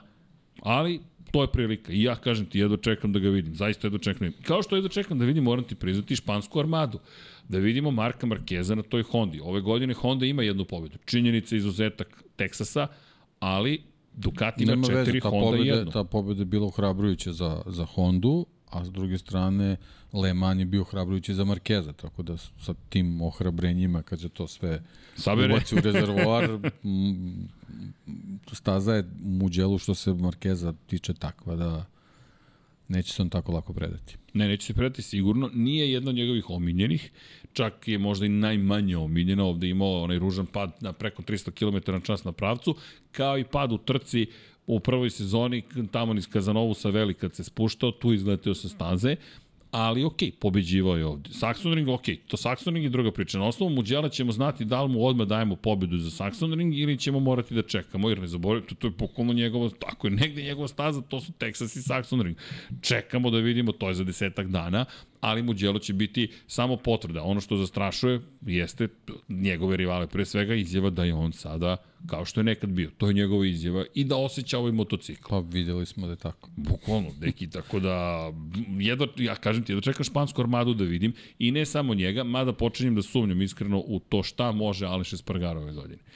Bojim se da je Aleš prošlu sezonu imao, u prošle sezone imao tu priliku, a kada je reč o ovoj godini nekako deluje mi kao da previše pokušava, kao da pokušava, kao da ne zna zašto je prošle godine bio uspešan. Znaš kad band snimi dobar album i onda pokušava da uradi sve isto kad je snimio taj album. Nisu iste okolnosti, moraš da ideš dalje. Sviraj neku novu muziku, instrument je tu, Maverick Vinales nam je to pokazao, ali počinjem, kažeš ti, da sumnjam u Aleša, spominjem ga sada već samo na konto prošle godine. Jer ne postoji razlog da istaknem Aleša iz Pargara, 11. pozicija pa, u šampionatu. Aleš prošle godine izuzev tog Silverstona, to je bio onako baš jedan ozbiljno pozitivan miks koji je tu finišu sezone zbog tih nekih, opet mogu se kažu, dečjih bolesti nije dovršen onako kako, kako je možda mogao da bude i možda se on tu malo i ispraznio, mislim, godine stižu. Jasno, mislim, jasno.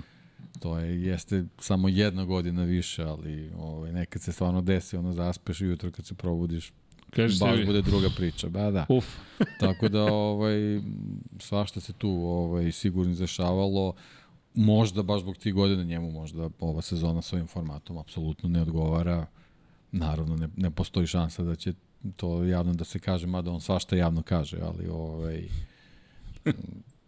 jednostavno Da, on voli da ide, priča. ide vreme, neke, neke ovaj, stvari se tu gomilaju, treba odgovoriti na sve te izazove, a on je prošle godine sebe prilično i fizički i emotivno iscrpeo, tako da ovaj, imamo i taj moment, mislim, ne možemo da zanemarimo moment ozbiljne polove povrede i, i, i taj loš početak sezone, ipak je rođeni brat u pitanju, Jeste, jeste. tako da ima tu više elemenata koji ovaj teraju, teraju na razmišljanje. ali nekako bih volao da vidimo ne, nešto pozitivno na stazi na kojem je bio na pobedničkom postoju, makar da me, da me nekom razuveri, ne mene, nego neka uradi ono što, što smo bili, vid, prošle godine videli. Ali bojim se da i ono što je meni nekako deluje, ovo što si ti lepo sada i opisao, izneo po tačkama šta su sve potencijalni problemi, da, da, da zaista, zaista bi penzija mogla da bude vrlo, vrlo blizu zapravo za Aleša Espargara.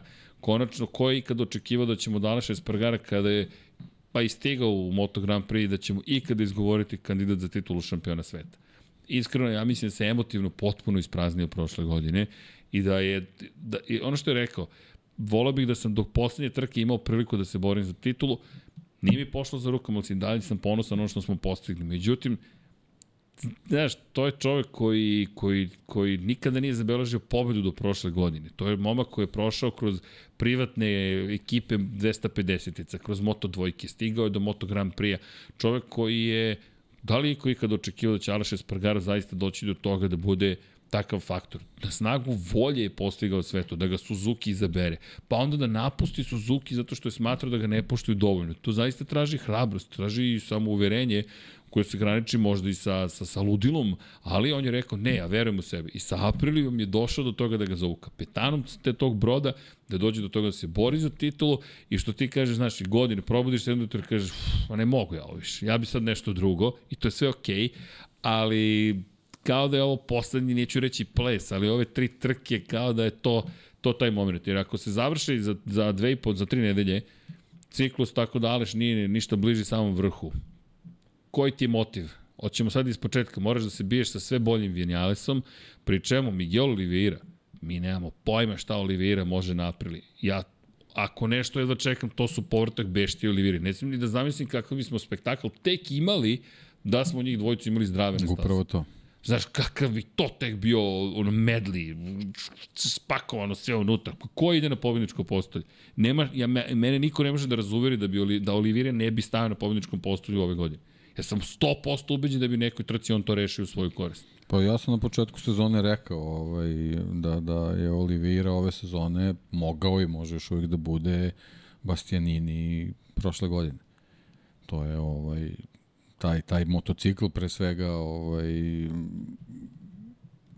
je dokazao da, da, da, da je prošle godine stvarno bio ovaj, odlično spakovan i da bi ove godine sa svim podacima s kojima raspolažu, sa ovaj, tom brzinom koju Oliveira definitivno posjeduje, ovaj, mogu da igra ozbiljnu ulogu na određenim stazama.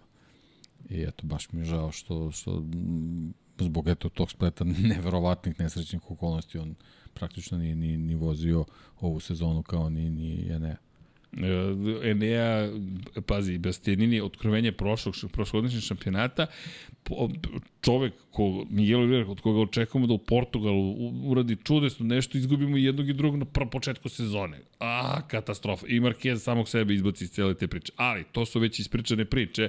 Ono što sad želimo da vidimo nove priče. Šta ćemo mi ovaj, u svemu ovome da dobijemo? Inače, apropo povreda, Banjaja je pre dve nedelje isto bio prijavio povredu, to jest prijavila ekipa da je imao frakturu zapravo koju nisu odmah ustanovili posle trke u Lemanu, pa je isto bilo i bio isti bio slučaj zapravo i sa Markom, ne sa Lukom Marinijem, Marini je takođe imao povredu, ali bi trebalo da su svi u potpunosti oporavljeni. Volao bih da vam kažem više, ali kao i uvek, količina vesti iz Moto Grand Prix je ravna nuli. Zato što, da ne, ne, fantastično su mi datumi. Pre 20 dana su bile neke najsvežije vesti od prilike. Oni ljudi, bukvalno, ali mene to sad već oduševljava. Ta konzistentnost u nedavanju informacija i u stavu, e, vidi, mi vozimo trke, aj čao.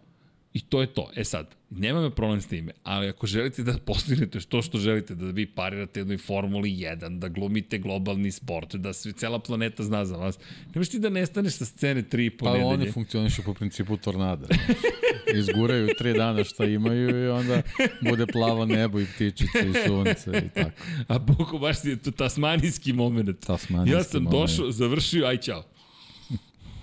A moram ponovo, ajde, bum, stigli smo u grad. Ne, čekaj, šta mu onda da dođe? Neki hardcore band od prilike. Pa nešto, da. Neki da, da. HC Punk koji, taj fazon. Dođemo, srušimo, odemo i to je to. I onda lagano, popijemo pivce neko. Samo da se ne tuku sve. Ne, da, samo da se ne tuku. Ba dobro, prošli put je bilo malo i šaketanja, ali dobro. Neko je rekao, to je... To, A bilo je simpatično. Na kraju, ok, ok, naučio sam deki, počinjem ja da nijansiram svoje razmišljenja, hvala ti na tome, ti si moj kao, kao ja sam padavan, razumeš, znači, ali kažem ti da razmišljam, ok, ok, ok, ono što je bilo lepo, kad su seli na Hondu i bilo je, E, evo ih zajedno. I to ti pokazuje, ej, gotovo, ajde, sedi ti, sednem ja i aj čao. Bukvalno, to je ono što je Boris lepo primetio, eto ih na Hondi obojica.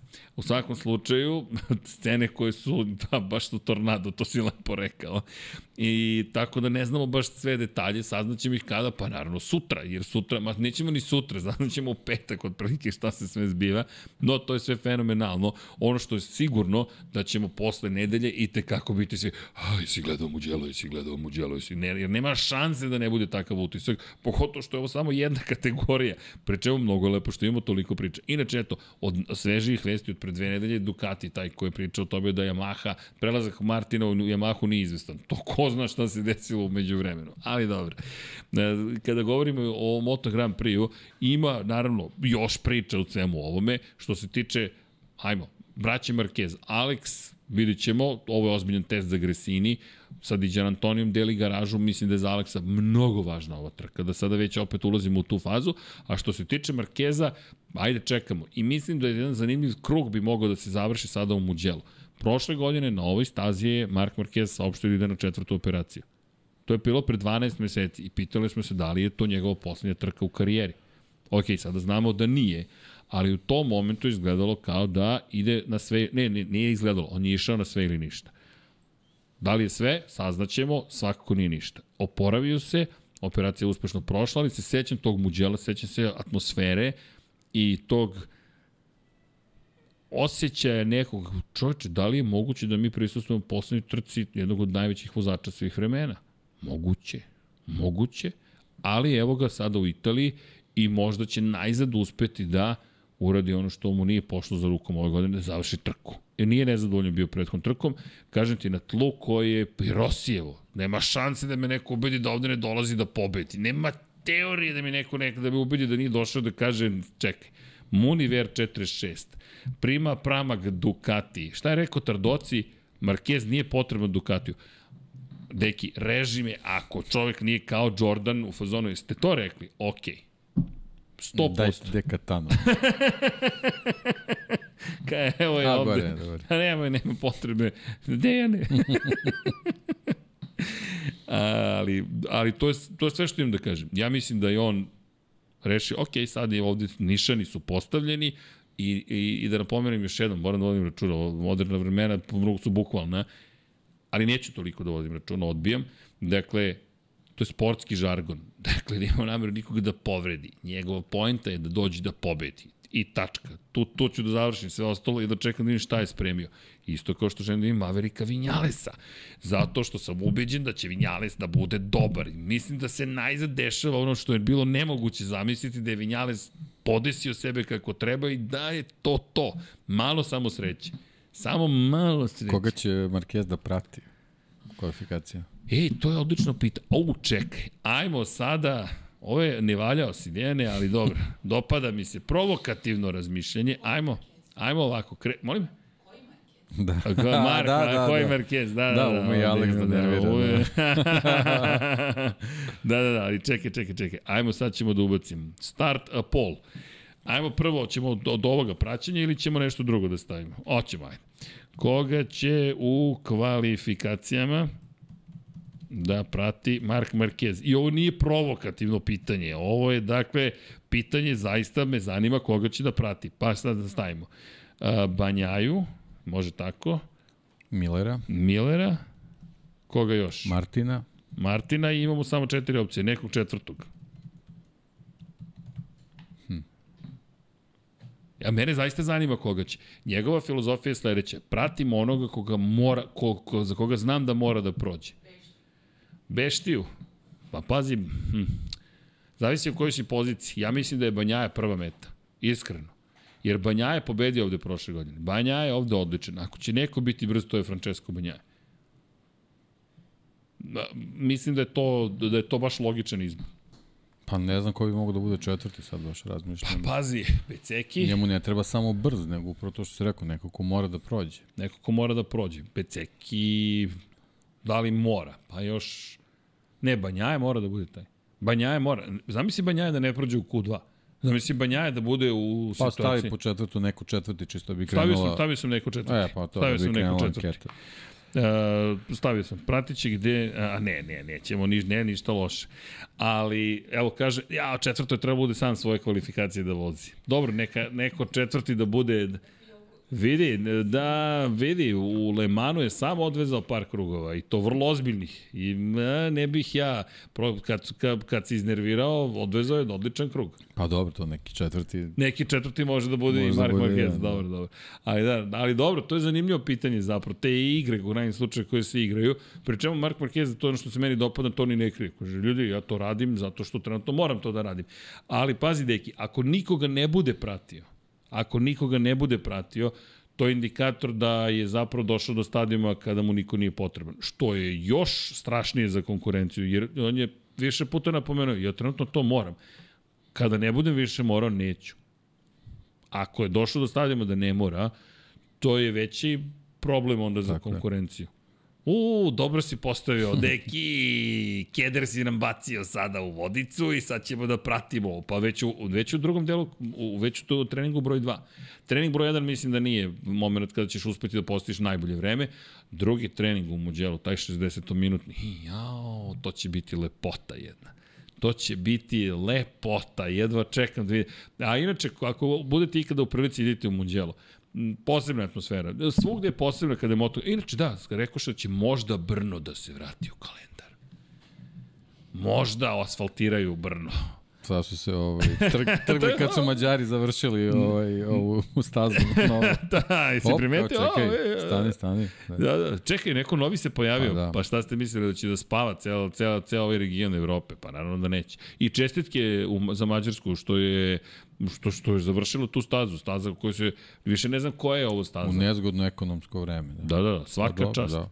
Bilo je najava da će Balaton Ring nastati još pre 15 Pa vidi, godina. Hungaru Ring, Pioneer Ring, Balaton Ring, to su onako tri ozbiljne staze u komšiluku. Ne, ovo je sada da. zaista mnogo lepo i baš se radujem. Četiri staze u Mađarskoj, imamo Slovakija Ring, Da, Grčka. Imamo, imamo u, ovaj, u Češkoj imamo Brno i Most, u Grčkoj imamo Serez, imamo Grobnik.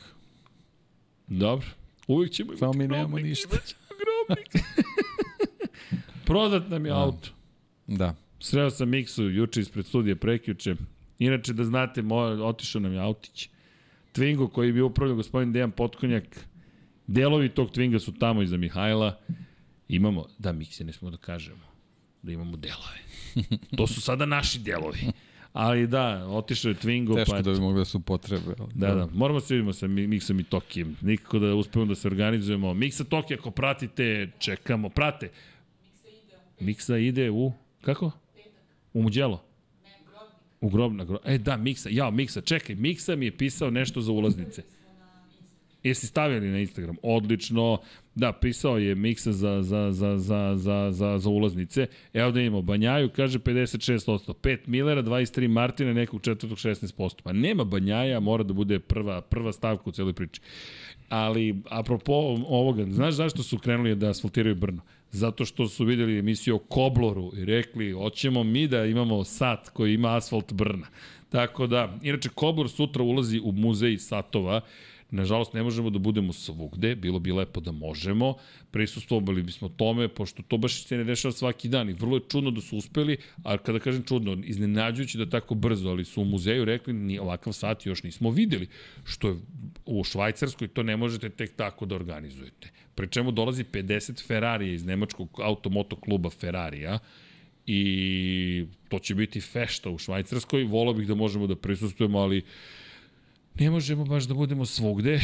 Jednoga dana ćemo moći, ali to kad budemo imali svoj SpaceX. Fast and Furious X, pa to, deki, FFX zapravo, morat ćemo da ćemo Dodgeom Chargerom po Evropi. To ne zvuči loše.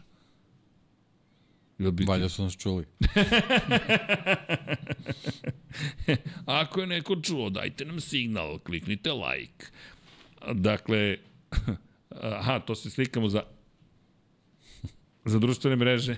U svakom slučaju, apropo i priče o, o, o Markezu, ok, bit će to zanimljivo ti dueli i ko, koga će ko, šta, kako da prati, zašto, ko, ko će uopšte u treningu tom, tom 2 da bude dovoljno brz, Nema pojma, naravno. Zato će to biti tako lepo u petak. Ali da, okej. Da se vratimo mi, još jedna fotka ovde, za, za sve smo prešli sad u društvene mreže. Influ, influencing by Dan Potkonjak i Dan koleginica iz prodaje. Mihajlović, dobro. samo ti nisi fotografisao. Molim, a već si završio. A ne, pa tako se poštuje podcast, a ne ovde, ne ozbiljnost na delu. Elem, da, Evo, i to smo rešili. Uh, LM, LM, LM, LM, da se mi vratimo na, na priču o onome što nas čeka u Muđelu. Dakle, spomenuh Marka Markeza s razlogom čovjek je odizvao fantastičnu trku. Što se tiče Fabija Kvartarara, namerno se bavim švedskim šampionom. Šta ćemo sa Fabijom Kvartararom? Šta, da li uopšte išta zaista možemo da očekujemo? Sad šala na stranu, da li zaista Možemo. nešto možemo da očekujemo? Da će da da sve od sebe. Da, to, to, je, pa to je lepo rečeno. I to je sve što može da uradi. I on to Uveren mislim sam da, da će čini. tako da bude. Da, on to čini, deki. I to je ono što je sjajno kada je reč o Fabio Quartararo. Ne možeš da tražiš više od bilo koga. Uradi najbolje što ti možeš pa da vidimo gde Da će proba da bude, da izađe na čistu stazu i da proba nešto da... Jer definitivno ako prati nekog, on ne može ništa da uredi. Ali da li misliš u kvalifikacijama da bi trebalo nekoga da prati? Da mu Mislim zavetri da da, ne, pomogne? Mislim da ne. Mislim da ne. Dakle, samo usaju svoje kljuse i kažeš, ok, idemo je mahice, M jedinice da vidimo šta ti ja možemo. Tako je. Jer na ovoj Samo stazi... ti ja. Da, da, bukvalno. Može, mnogo, može da se postigne toga. Ti i dalje, ono što si lepo rekao, veštinom možeš, krivine su tu, Yamaha, ne znamo sada gde je više, više ne znamo šta funkcioniše, šta ne funkcioniše, ali čovek je koji voli brze staze, to nije neko pa, ko ta, je... ta, mislim da tu ta maksimalna brzina ne mora bude ključna u tom krugu. Nije. Tako da... To smo viđali sa Rosim, viđali smo i sa njim, viđali smo prosto da Yamaha zaista ovde može lepo da se ponaša. Tako da, ajde, držimo palčeve Fabio Quartararo da će se uključiti u celu priču. Što se tiče, da kažem, Hondinih vozača, Alex Rins, Joan Mir, Takaki, Nakagami, Ništa novo na zapadu. Alex Rins nije završio trku kada je pobedio u Teksasu. Bitka sa Hondom Pa ono sa, sa, sa Le Manom je bilo nekako simptomatično da sinhronizovano u par krugova Rins i Mir završe u šljunku. Ovaj, Taka takođe nije ovaj, jednostavno uklop, uklopio su to Sivilo isto, tako da to je, to je taj neki domet Honda sad šta može da bude u Muđelu, mislim da nije, nije mesto da, da se ovaj, tu sad nešto eksperimentiše i, i, i ovaj, nepotrebno riziku, jer oni su jednostavno prinuđeni da voze na, na, na ivici da bi bilo šta uradile sad. Da li postoji neki pomak, ovaj, teško je poverovati u ovom trenutku, ali ovaj, samo je bitno da, da u, u tim nekim svojim pokušajima vezano za ova tri vezana vikenda ne, ne dođe do neke povrede, ali kao što, što će i Kvartararo da daje sve od sebe, oni, oni su, kažem, jednostavno prinuđeni da, da, da voze na, na 110% mogućnosti, a znamo kako tu tanka ivica. Inače, Repsol Honda je poslanje u šampionatu timova. Kao tim.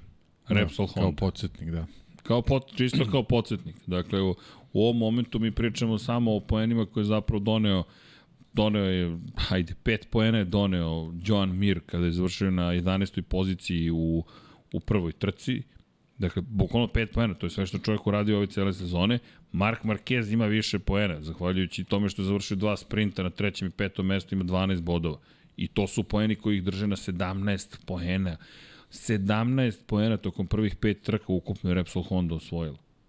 17 poena. Dakle, to, to nije na nivou zastrašujućeg. To je jedna druga pozicija. Bukvalno jedno drugo mesto da su imali, bili bi bolji od ovoga plasirani. Prilično tužno stanje stvari. Verujem da će se vrlo brzo to promeniti, ali opet, podsjetnik samo u kakvoj dubiozi se nalaze. Inače, što se tiče, da, da, da ne zaboravimo ljudi, pošto sam spomenuo, ajde Hondu, da spomenem i Štefana Bradla, Štefan Bradl koji nažalost nije, nije osvojio poene, probni vozači će se pojavljivati tokom sezone i dalje u svojim očekivanim ulogama, a Jonas Folger neće biti ulozi probnog vozača, menjaće Pola Espargara. Pa eto da napomenem i to, Jonas koji nije baš želao da, da, da vozi, Iskreno, ukoliko se Pol ne oporavi do Nemačke, volao bih da Jonas se ponovo pojavi na Saxon ringu pa da vidimo da li će biti bolji, ali čisto da napomenemo i da imamo tu situaciju. Inače, što se tiče RNF Aprilije i, i, i Raula Fernandeza, Raul Fernandez ima operaciju, pa sad nisu u potpunosti bio poravio, ovo je dovoljno dugačak period, možda ćemo dobiti jedno lepo izdanje i Raula Fernandeza. Ne znam zaista šta da očekujem. Raul Fernandez je jedna od, jedna od loših priča u poslednje dve godine od čoveka koji dominira zajedno sa na neki način Remijem Gardnerom, ne na neki način, u svakom smislu te reči Moto2 šampionatom do čoveka kog ne znam ni da li ćemo videti. Pri čemu imamo to cikl koji mora da bude To je, to je najveći problem. Ajde, prošle godine bilo onako, bilo i nekih opravdanja, međutim ove godine... Koje je opravdanje? Da. Znaš, koje je pa opravdanje? Pa dobro opravdanje je bilo, ajde, taj, taj ovaj, sindrom ovaj, koji mora da operiše ruke, ali ovaj, sad već, upravo to što se rekao, velika je pauza bila, to je da kažemo za njih rutinska operacija i što se njega tiče izgovora nema više. Ajde da kažem, možda je sve manje, ali, ali generalno ono, nema ih.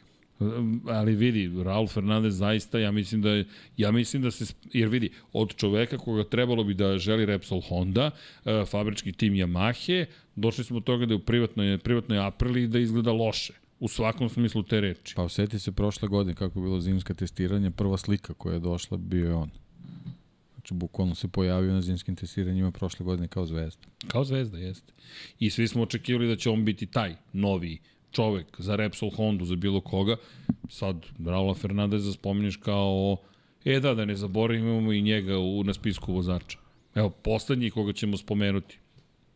Jednostavno zato što treba ispoštovati sve protagoniste, ali to je to. Inače, evo, odlični iz kap protagonisti, kaže Zlatko Tajtan Ilijevski. Polako doći ćemo do Red Bullovog kupa Novajlija.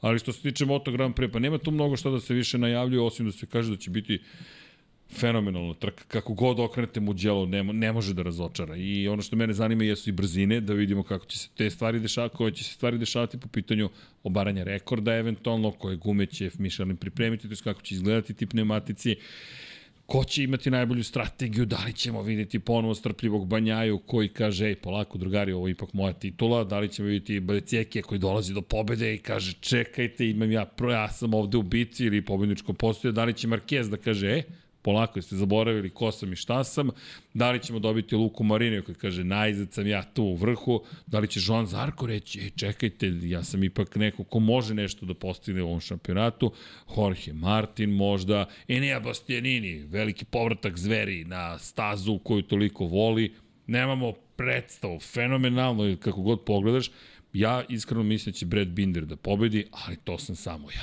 Dakle, Brad Binder To je moj izbor deki za pobednika u nedelju. Ne u subotu, u nedelju. U subotu može i da pobedi bez problema, ali mislim da u nedelju je vreme da Brad Binder i KTM ovladaju Italijom. Bold prediction. Vi šta kažete Pošto kolega? Pa, eh. Ćemo Igramo realno ili spektakularno? A, kako god želiš, neki, ajmo. Ćemo spektakl. Mm.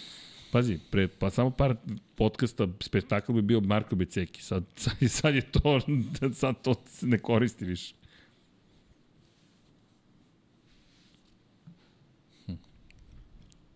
Mark Marquez. Opa, opa.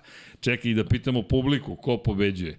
Dakle, ko pobeđuje u nedelju? To moram sada da napomenem, sad ne možeš više da kažem ko pobeđuje. Ajmo ovako, ko pobeđuje u nedelju u Muđelu? Ko pobeđuje u nedelju u Muđelu? Pa sad, Francesco Banjaja. Krećemo od šampiona. Koga stavljam na drugo mesto? Ovo je nemoguće. Pa ne, ne, ne postoji ne adekvatna četiri, anketa da, za, da. za, za Moto Grand Prix. Nezgodno je, da. Moramo Marka Becekija da stavimo, pošto pošto je pobedio dva puta ove godine, realno. Sad ćemo stavimo, ajde, ćemo Mark Marquez. Ajde. I stavit ćemo Brad Binder, žalim se, neko četvrti. Ajmo ljudi, ovde mora da pobedi neko četvrti. Pošto je nemoguća misija. Kaže, Rossi pobeđuje u nedelju. pa, nije nemoguće na neki način. na neki način će čovjek da dođe do pobede. Ali, ajde, rekao sam za Red Bull, zato što voze Pikeras i ostala banda juniori. Ma, Zlatko, znamo mi Pikerasa, pratimo mi junior Grand Prix, nemojte ne, ništa da brinete. Evo, Dakle, da vidimo ko pobeđuje. Uf, kreće. Glasajte ljudi, u, u četu vam je anketa, pa kvartarar, pa Dina Kvartararu teško da ide na spisak, nije ni blizu pobjede ove sezone. Moramo da stavimo ove koji su ipak e, nešto postigli. Marko kaže, ja mislim da neće Italijan da pobedi. Zanimljivo. Ali će pobediti Portugala. Ja sam rekao, rekao, Južnoafrikanac pobeđuje. Ne znam zašto, zašto vi ne verujete. Brad Binder. Brad Binder, e, samo uradite poll, poll na internetu i bacite tu link. A, kako to mislite? Na, mislite nekom sajtu ili da napravimo anketu u okviru nekog Google Sheeta. i Tako. Udrite like za početak, molim vas. Dami i gospodo, like. Ste lajkovali? Mihajlo, pa sta, šalim se, šalim se, šalim se, to je prozivka samo. To je samo po prozivka, ali evo, Marko Beceki, Marko Marquez, neko četvrti izjednačeni. Pazi ovo, mar, najmanje glasa ima Francesco Banjaja.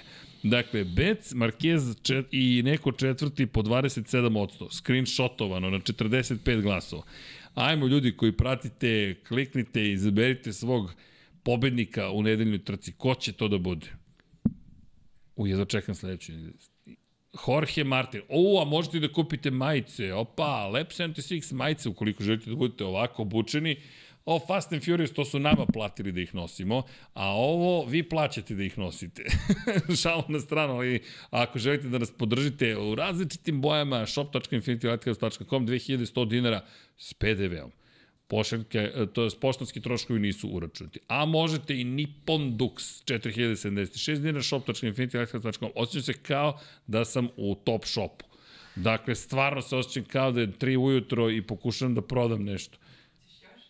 Ma, samo udrite, ma može šta, evo, ovo mislim da se hvale da su bili vredni. Lab 76 Duxovi, 3576 dinara, shop.infinitylighthouse.com.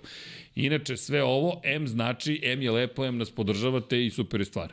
Tako da hvala, ali i znak je koji mi volimo, jednostavno, pa eto. Morate pričati da se srećan u poslednje vreme gde sam sve sretao ljudi sa našom majicom. U svakom slučaju, a vidiš, iza mene piše El Diablo. Da li se tu krije odgovor na pitanje? Dina, ajde ako pobedi Kvartararo, uf, ako pobedi Kvartararo, pa to sledeće godine, nedelje ima da bude godine, sledeće nedelje ima da bude ozbiljna priča o podcastu. Ali da čekam da vidimo analizu muđela. Ok, Moto dvojke, ili imamo još nešto da dodamo za Moto Grand Prix? Ne znam ni šta da dodaš u najavi, možeš samo da kažeš, ljudi, uživajte, bit će fantastično. Pa sad razmišljam da nismo nešto... Nešto smo sigurno deki zaboravili. Samo pitanje šta. It's okay. To je okay, Moto Grand Prix. Dobro. Tornado će doći. Tornado tek dolazi. Mi sada najavljamo dolazak Toni Elijas završio karijeru. Toni Elijas. E, eto. Ako ćemo Moto Grand Prix. Da, Toni Elijas. Jedna pobjeda u karijeri. 2006. u Portugalu. Koliko je bilo? Je bio 2000 tinki ispred Rosija ako se dobro sećam. Neki, neki Čekaj. minimum je bio, da. ja mislim da je da. bilo 2000 tinke. Čekaj da vidim, ili, ili da, 2000 tinke, ja, reci, još se pamte stvari. Dakle, na Hondi za Fortuna Hondu, inače, ekipe, ekipe Fausta Gresinija i do Ene Bastianine nisu imali pobednika. Bukvalno, 16 godina su čekali sledećeg pobednika i ne Bastianini ima jedno posebno mesto, Rossi za 2000 dela sekunde. Inače, kako to obično biva u filmskim scenarijima koji se zove Moto Grand Prix stvarnost, da je Rossi pobedio na toj trci, bio bi šampion sveta 2006. godine. Ali nije. Da nije pao u Valenciji, bio bi svetski šampion. Da ga Toni Elias nije izbacio sa prve trke sezone, bio bi svetski šampion, ali nije. Upa, Toni zapravo, ja ne znam koliko, koliko, koliko uopšte smeta ova informacija Rosijevim navijačima, da li su rekli, to oni Toni što nas izbacio u prvoj, u, prv, u prvoj trci pobedio pred poslednjoj trci. da, to bi bilo dobra anketa za Rosijeve. Znači, koliko vam je teško pala penzija Tonija Eliasa? Ali ljudi, opet, pogledajte koliko je to nevjerojatno, kakvu priču su oni ispričali u svemu tome, da dođete u situaciju da pričamo o 2000 tinki koji odlučuju šampiona na kraju. Na kraju su te 2000 tinke odlučile šampiona. Inače, na KR 211V motociklu je vozio Kenny Roberts mlađi, to trko je bio na poziciji broj 3. Za one koji ne znaju, KR je oznaka za motocikl koji je napravio Kenny Roberts stariji, kralj Kenny koji ima tri titula šampiona sveta. 211V je oznaka za motor koji je imala Honda, petocilindrični, oni predivni. Inače, Honda se zvala RC 211V u njenoj izvedbi. Honda je dala, ovo je potpuno neverovatna priča, samo, samo ako. Kenny Roberts je došao iz Amerike i iz, u prvoj sezoni svoje u karijeri 1978. godine, 78. ili 77. osvojio titulu šampiona sveta, odbranio titulu šampiona sveta, odbranio titulu šampiona sveta i uveo Amerikance na velika vrata u svetski šampionat. Postao je bukvalno kralj Kenny. Osvojio je na žuto-crnoj Yamahi. Međutim, toliko je bio fenomenalan da je stekao reputaciju obožavanog bića u Japanu. Kenny Roberts je potom, 20 godina kasnije, došao na ideju da napravi kada se stvorila prilika da se učestvuje u četvorotaknom šampionatu, to je kada su dobili veću zapremnu od 500 kubika, da napravi svoj motocikl koji se zove KR ili ti Kenny Roberts. Gde je otišao u Hondu, dakle kod najvećeg rivala koga možete da zamislite, pokucao na vrata i rekao, mm. rekao otvorio vrata. Otvo... Pokucao. Pokucao ni, šutno je čizmom bukvalno vrata, deki u pravu si. I rekao, meni treba motocikl. ne, meni treba samo motor. Šta je tu neverovatno? Baš si fin. Ko poznaje Kenija Robertsa, on bi sam rekao, nisam ja nigde kucao. Za vrh. Srušio je vrata, bukvalno, i rekao, meni treba motor. Honda u svojoj istoriji nikada nikome nije dala svoj četvorotakni motor na Pa ni upotrebu. Rosiju. Pa ni Rosiju, bukvalno. I to njegov koji su mu obećali. Mada im, i jedan dvotakni mu duguju. Elem, Honda nikada nije dala motor nikome. Međutim, kada pokuca na vrata Kenny Roberts, toliko je poštovanje me, ko, uživao da su oni rekli, ok, šta inače važi za Hondu? Honda se silno plaši da svoj motor da bilo kome, da se ne bi ispostavilo da im šasije baš i nisu najbolje kada je reč o trkačkim motociklima. Da njihovi ramovi, čudna mi čuda, Kalex im proizvodi najnovije ramove, možda nisu na najvišem mogućem nivou. Šta je poenta u celoj priči? Poenta je da je Kenny Roberts došao, dobio je svoj motor i napravio motocikl s kojim je njegov sin, Kenny Roberts mlađi, bio nadomak pobede na velikoj nagradi Portugala. Da, dokazao je da može da se napravi bolji motor od same Honda, samo mu treba agregat, jel te?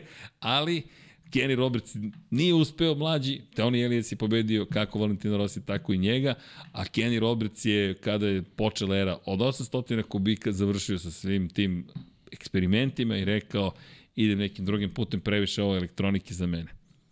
Kenny Roberts, kralj Kenny. Pokucao. Koji kuca, da.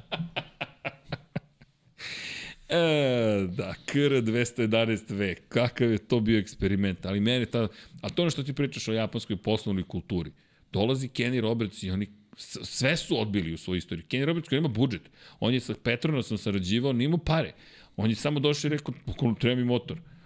Pa, pa kako ćeš da kažeš ne Kenny Robertsu, da ne govoriš. Danas da... mi je ovaj kolega na poslu fotograf, inače, da. Vojislav Danilov, čuveni fotograf, ovaj, ono, više, više decen, decenijski rad ovaj, na, na svim velikim događajima u zemlji. Pričao mi jednom prilikom ovaj, mu je na nekom koncertu na Taš Majdanu o, kiše padala, zamisli, ili na košutnjaku. Na košutnjaku Baš čudno, da. Ovaj, pokisao mu je Canon fotoaparat i pošto imao, mislim još uvek je bio film, ali je imao je neke elektronske elemente da, da. koji su na kiši su propastili, znači ovaj, aparat je već bio stari, ovaj, jednostavno nije, nije bio za upotrebu ovaj, i jednostavno je crkao. I onda on iskoristio te neke svoje veze, ovaj, neke estradne umetnike koje je poznavao da, da odnesu, pošto ta, to su već bile godine 90, neke sankcije i tako dalje, tako dalje, nema naravno zvaničnog servisera u Srbiji i tako dalje, tako dalje. I on je pronašao vezu da o, se odnese taj fotoaparat u Beč, u servis, međutim oni su tamo ustanovili da je jako nezgodno ovaj, popraviti to, između oslo zato što već aparat je zastareo i tako dalje tako dalje. Uh, onda su ga uputili da se aparat odnese u Holandiju, onda on našao vezu, aparat je odošao u Holandiju gde su oni takođe ustanovili da je jako teško da se popravi i predložili su da aparat ide direktno u Japan u centralu kanona da oni probaju tamo nešto da urade i on kao ajde okej. Oni pošalju aparat u Japan i posle nekog vremena njemu stigne pismo iz korporacije Kanona ovaj, na njegovo ime adresirano sa potpisom generalnog direktora kompanije, nekog gospodina Japanca koji se naravno izvinjava i pokušava da shvati šta gospodin Danilov radi sa aparatom koji je već trebao da bude odavno otpisan i kako je moguće da to još funkcioniše. to I onda je tu sad bila prepiska pismima koja je trajala neko vreme dok pismo stigne i tako dalje i tako dalje. Moja draga sad je u Japanu, znaš ono, kako ide. znaš, znaš da pismo dugo putuje do nje i tako dalje. U svakom slučaju on je objasnio da je fotoreporter najtiražnijih novina u Srbiji, Jugoslaviji, šta je već tad bilo Jugoslavija. Onda oni neverovatno zbunjeni da li je moguće tako velika kompanija koristi taj aparat koji je već apsolutno zastarao. Da skratim priču, oni njemu ponude da u njihovom trošku on dođe u Japan i da njihovim inženjerima, tehničarima ispriča kako je došlo do tog kvara, da bi oni mogli za buduće aparate da znaju šta se dešava, da, bi, da se to ne bi ponovilo, posebno u slučajevima kad profesionalci koriste tu opremu. To je, to je ta, ta Japan. Japan. Inače, popravili su aparat o njihovom trošku, a popravku su nam platili 1 dolar. A, fenomenalno. A fenomenalno, ali, ali to je ta kultura koja, koja je drugačija. Koja je bukvalno drugačija. Pozdrav za Fekija. Pozdrav za Fekija. ali, ali lepa priča. Ali to je to. I kad se pitamo, pa što si od Honda odlučio da se povuče iz Formule 1? Japan. To, to, to, za nas, evropljane, teško je da, da, da, da razumemo za koji je to način razmišljanja bio i na kom nivou, u kojoj godini i o čemu razmišljaju u tom trenutku. I to je ono što Tako ti je. često napominješ. Ljudi polako, krećete od sebe i to je ono što je David Brivio često govorio dok je vodio tim Yamahe i generalno kada priča o saradnji sa Japanom, uspostaviti jasnu komunikaciju i razumeti šta inženjeri tamo pitaju i njima objasniti šta vozači govore i traže, veoma zahtevno. Blago rečeno veoma zahtevno i zato je i ta saradnja sa Japanom toliko kompleksna, ali kada je uspostavite, može biti vrlo plodonosna. E sad je to pitanje za Yamahu i Hondu, ko zna japanski jezik. Ko priča moto japanski? Moto, motanski. A, vidjet ćemo, vidjet ćemo. Inače, u trenutno ovom momentu Banjaja pobeđuje ispred Becekija, Marquez je tre, četvrti, a neko četvrti je na poziciji. Ne, neko četvrti je na poziciji 2, pa ide Marko Beceki, pa Marko znači, Marquez. biće gužva. Biće gužva. Do poslednjeg kruga. Jeste, biće gužva. Ba, baš će biti ozbiljna gužva. A kada govorimo o Japanu, nemamo tu šta da dodamo, osim ljudi, čekamo ih. Ja samo se nadam, ja, ja vidim neke senzacionalističke naslove, odlazi Honda, odlazi Yamaha. Ne još. Ne još. Ne, to, to, to se još ne dešava. Da li će se desiti? Nadam se da ne, nije nemoguće, ali mislim da, da, da smo daleko ne, od samo ako budu potučeni do nogu, mislim da to ne može baš tako da se desi. Pa već, pazi, Honda ima pobedu ove godine. Uprko svemu, Honda ima pobedu ove godine. Kako izgleda Mark Marquez, ne bi mi znao da ih ima više do kraja sezone. Pa dobro, to nije sad neko merilo, pošto uprko svemu Suzuki ima dve pobede prošle godine. ali Suzuki ali uvijek bio, to... ali Suzuki... Ne, Suzuki nije, nije tradicija. Tako je. Moto Grand Prix, koliko god to sad onako grubo zvučalo. Oni su imali svoje onako ozbiljno kvalitetne trenutke u više navrata, ali oni su dolazili, odlazili, nisu konstantni sa, sa Moto Grand Prix. Nisu. Baš nisu i ostaće ta priča o Joanu Miru, potencijalno da. poslednju tituli Suzukijevog vozača. Ali, znaš, to su imena. Shin, Kenny Roberts Jr. Njega, tako je. Ali Kenny krećeš od, od Barry Kevin Schwantz. Kevin Schwantz. Kevin Schwantz. Ne, to su, ali ne, ne, Shin je broj jedan. Kada pričamo o Suzuki, to Michael je ta priča. Jackson, Tina Turner. Da, da, da spomenem i Tinu Turner. Kad spomenemo Kad Suzuki, spomenemo Pepsi. Suzuki, Pepsi, da, da, cele, sve konekcije, da, da, da. Michael da, Jackson, Tina Turner, Kevin Schwantz, to je, to je bio trio u tom trenutku, koliko je to koštalo. Ne, I posle, is, zašto is, su se ugasili? Pa kako da pa se kako ne da se ne ugasiš? ne, ne, ne, ali, a dobro, Pepsi u comebacku velikom. Pepsi je sada sponsor 99 yardi, papa. Tako da, molim vas, Pepsi zna da izabere partnera.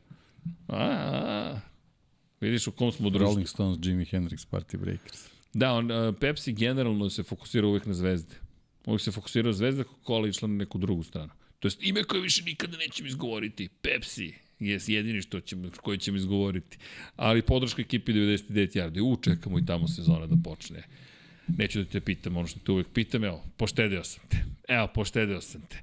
Deki, moto dvojke, samo brzo. Toni Arbolino, Celestino Vijeti, šalim se naravno, ali Toni Arbolino vodi u šampionatu sveta. Toni Arbolino, 99 poena, ovo ja mislim da mora biti njegova trka. Bukvalno, zašto? Zato što je prošle godine pobedio njegov ključni rival Pedro Acosta, zato što je pao Pedro Acosta u Francuskoj i zato što želi osvetu Pedro Acosta, a ti ideš kod kući si i sad, gledaš me značajno, znam, ali vidi, ovo je, tvoj, ovo je tvoja kuća. Tvoja kuća, pa da vidimo.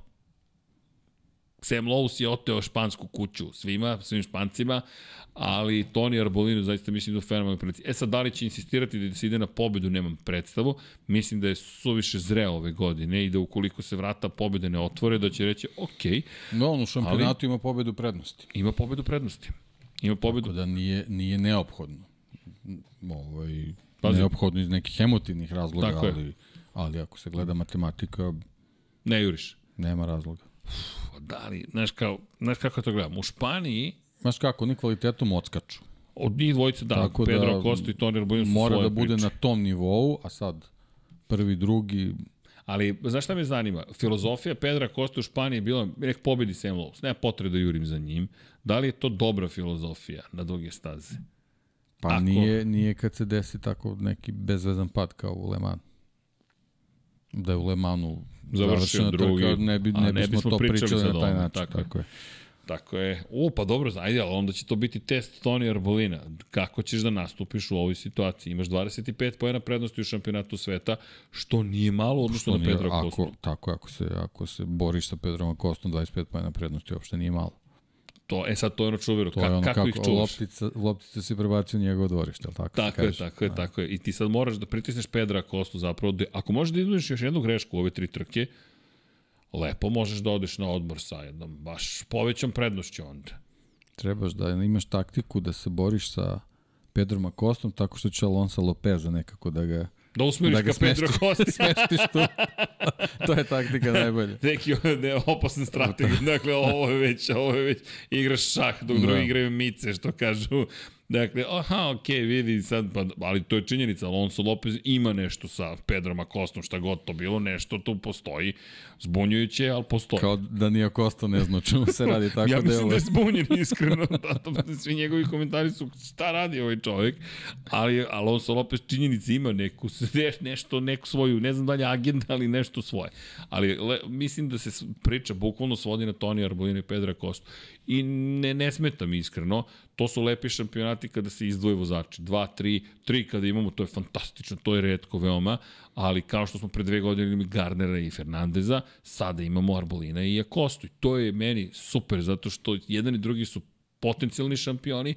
Pedro Acosta je već stavljen na pjedestal, već je zvezda, već je neko ko podrazumeva se da će da osvoji titulu da pobedi, pa ne podrazumeva se ništa, moraš na Da, kraju to da uradiš. da, ali njemu sad u ovom nekom, nekoj gradnji tog imidža treba da, da trebaju mu serije pobede Tako na je. kultnim stazama. Tako da, i, Ovde je počeo. To je, da, da. Pazi, prošle godine kako je izgledao pad u Le Manu, sad, pobeda u kako, Mugellu. kako to, mislim, bitnije je da pobediš u Mugellu nego u Sachsenringu. Iz, iz neke tekako. njegove perspektive. I tekako. A pobedio si. Prva pobeda u karijeri u Moto2 klasi je bila baš ovde. I to kažem, pad u, Lemanu, prošle godine pobeda u Mugello. Pao si u Lemanu, Da. ajde sad da vidimo. Mislim da je to Da, sad... nije, nije, da, to baš tako i nije tako lako. Naravno, ali, ali, ali samo kažem, I mislim da si ti lepo rekao, moraš kultne staze da rešiš u svoju korist. A imaš dve u ovom nizu od tri. Mugello i Asen. Koliko god da poštujem Sachsenring, Ne, ne, apsolutno da. Asen, o, Saksenin koji ima svoju publiku, tako je priču, svoju neku priču, istoriju, ali tako je. kad kaže da si pobedio u Muđelu, Da, drugačije. baš zvuči. Baš zvuči. I Asen Druga, isto kao tu. drugi put za redom, oh, kao, baš zvuči. To je to. Ba, inače kada pričamo to o pobednicima u Muđelu, kada pogledaš spisak pobednika u Italiji, apropo Moto dvojki, dakle da ne govorimo samo o, o Moto Grand Prix, s obzirom na činjenicu da se stalno smenjuju, gledamo ko su bili, da kažem, šampioni. Pedro je prošle godine pobedio. Remy Gardner je pobedio 2021. 20. nismo posetili ovu stazu. Alex Marquez je 2019. slavio, Miguel Oliveira, večiti Matija Pazini, posebni na ovoj stazi, Joan Zarko, Tito Rabat, Scott Redding, Andrea Janone i Andrea Janone koji je izrazio želju da sledeće godine vozi u Superbajku. Čisto da napomenemo. Moto Grand Prix ja zaista mislim da nije validna opcija, ali možda ga vidimo u svetskom šampionatu u Superbajku. Oka. Ne, ali zvučna Moto imena. Grand Prix je baš onako, u, u velikom kontrastu odnosno Moto Grand Prix koji on u kojem je učestvovao, koji je vozio, ovaj, a Superbike, zašto da ne? Bez obzira i da, velika je pauza, ali uz, uz ovaj, ekstenzivan, kvalitetan trening, mislim da... Ja mislim da bi nema on mogao da. tu da bude Zaista mislim da bi mogao da bude On je čovjek koji ima svoju publiku, mislim da, da bi to i Superbike bio ovaj, bila dobra injekcija još jedna. Pa, pazi, Pošto je ovako dosad. privlači pažnju, privlači pažnju. O, dobro, ne, ja, ja bih volao da ga vidim iskreno na stazi. Bez obzira na sve što se dešavalo, Pa dobro, da, dešavalo se. Nije, nije čovjek uradio ne znam šta. Uradio nešto što, da, više, ne ispao, da radite. više ispao naivan nego, nego što je... Nego kvaran. Da. On je jednu kaznu dobio, ova druga je posledica ne znam nije čega. Pa, nije shvatio... Za ono što je uradio je bila odmerena kazna, a onda ovo je samo neki neka nadogradnja. a to je ta priča. I onako, baš, je, baš, se, baš se onako kola ozbiljno slomila na njemu, ali dobro, jednostavno mora, morala je poruka se pošalje. Doping nije prihvatio. Tako je. I slažemo se s time. S tim što, taj moment kazne, 18 meseci, gde je on dobio kazne, onda je Vada uskočila i to ne odmah, nego kada se on žalio, onda je Vada rekao, čekaj, ti se žališ, a nisi dobio minimalnu obaveznu kaznu. Bum, evo ti minimalna obavezna četiri godine. Propisna kazna, ali Janone ovde pobedio. I to ne jednom, Janone pobedio dva puta u moto dvojkama. Zna čovek da vozi, makar je nekad znao, ali ajde, držim, držim palče da ćemo vidjeti neko pozitivno izdanje Andreja Janone. Ja? A što se tiče moto dvojki, znaš kako, mislim da Filip Salač može opet da odigra lepu ulogu ovde u celoj priči. Nisam siguran da je on taj koji može da ugrozi vodeće, ali da ćemo se vrata otvoriti u nekom trenutku siguran sam. Pogotovo mislim po Keši, sudeći na osnovu prošlogodišnje velike nagrade Tajlanda, mislim da treba pratiti Filipa Salača. Duboko sam ubeđen da je on momak koji je suštinski najviše napredovao zajedno sa Tonijem Arbolinom. Toni Arbolino je napredovao na psihičkom nivou, na snazi e, svoje svog i na radu na pristupu samom trkanju. Psihički mislim da je mnogo napredovao, Filip Salač i vozački i psihički i dopada mi se Salač kako izgleda. Što se tiče Alonsa Lopeza, pa on je u tom tornadu, kako si ga lepo nazvao, čovek koji može još više da ubrza stvari, da ode na, na kategoriju 5, ali isto tako je, mislim da ta njegova prevelika brzina dovodi do toga da zapravo ne znam u kom momentu da stane, pripremi trku, odradi posao od početka do kraja kako treba, već upada u neke neke zamke brzopletosti, gotovo. Tako mi to izgleda. Zaista mislim da je baš preterana brzina u pitanju. Od ostalih, vidi, Sam Lowe cenim da će nas zabaviti. Celestino Vijeti lepo napreduje kod kuće, ne bih baš proveo trku da... Da, posebno zašto je loš uspomen da prošle godine, Jeste. ovaj, gde u principu sve počelo se ruši sa, sa tim ovaj, padom. Sve se onako zacementiralo u smislu da je nekako posle Muđela bilo jasno da, da nije kalibar da stigne do, do šampionske titule, posebno što smo u tom trenutku shvatili da i ekipa očigledno ima druge ovaj druge fokuse i da nema kapacite da da izgurate njegove ambicije i nekako Muđelu se sve srušilo. Tako da i zbog toga možda za njega bitno da se ta trka nekako zaboravi, a najbolje se zaboravlja sa dobrim rezultatima u sledećoj sezoni, tako da eto, ajde da, da, da mu držimo palčeve da, da će imati dobar muđela. Da, verujem da, da, da taj napredak konstantni koji vidimo kod ekipe Fantika i kod njega generalno, koji je krunisan za sada četvrtom pozicijom u Limanu, može da dovede do toga da ima jednu vrlo konkurentnu trku činjenica, verovatno bi bio peti bez pada Pedra Costa, ali bez obzira, to je opet i dalje, to je dalje napredak. I ono što mi se dopada kod Ćelea ove godine, da, nema pobjede još uvek, jeste zapravo to što je stabilan napredak. Nije, skočio se na prvo pa sam se vratio na sedmo, ne, nego idem, idem kao da nešto gradi. Ne znam uopšte šta se desilo i promenilo, ali eto, držimo negde, držimo palče. Mislim sad da možemo da nabrajamo, mislim da sada možemo da nabrajamo sve praktično vozače, ali uh, čekamo da vidimo Aron Kane, da li će se pojaviti u nekom da. dobrom izdanju, nažalost nije prethodni trci ni vozio. Zaista držim palče će biti dobro.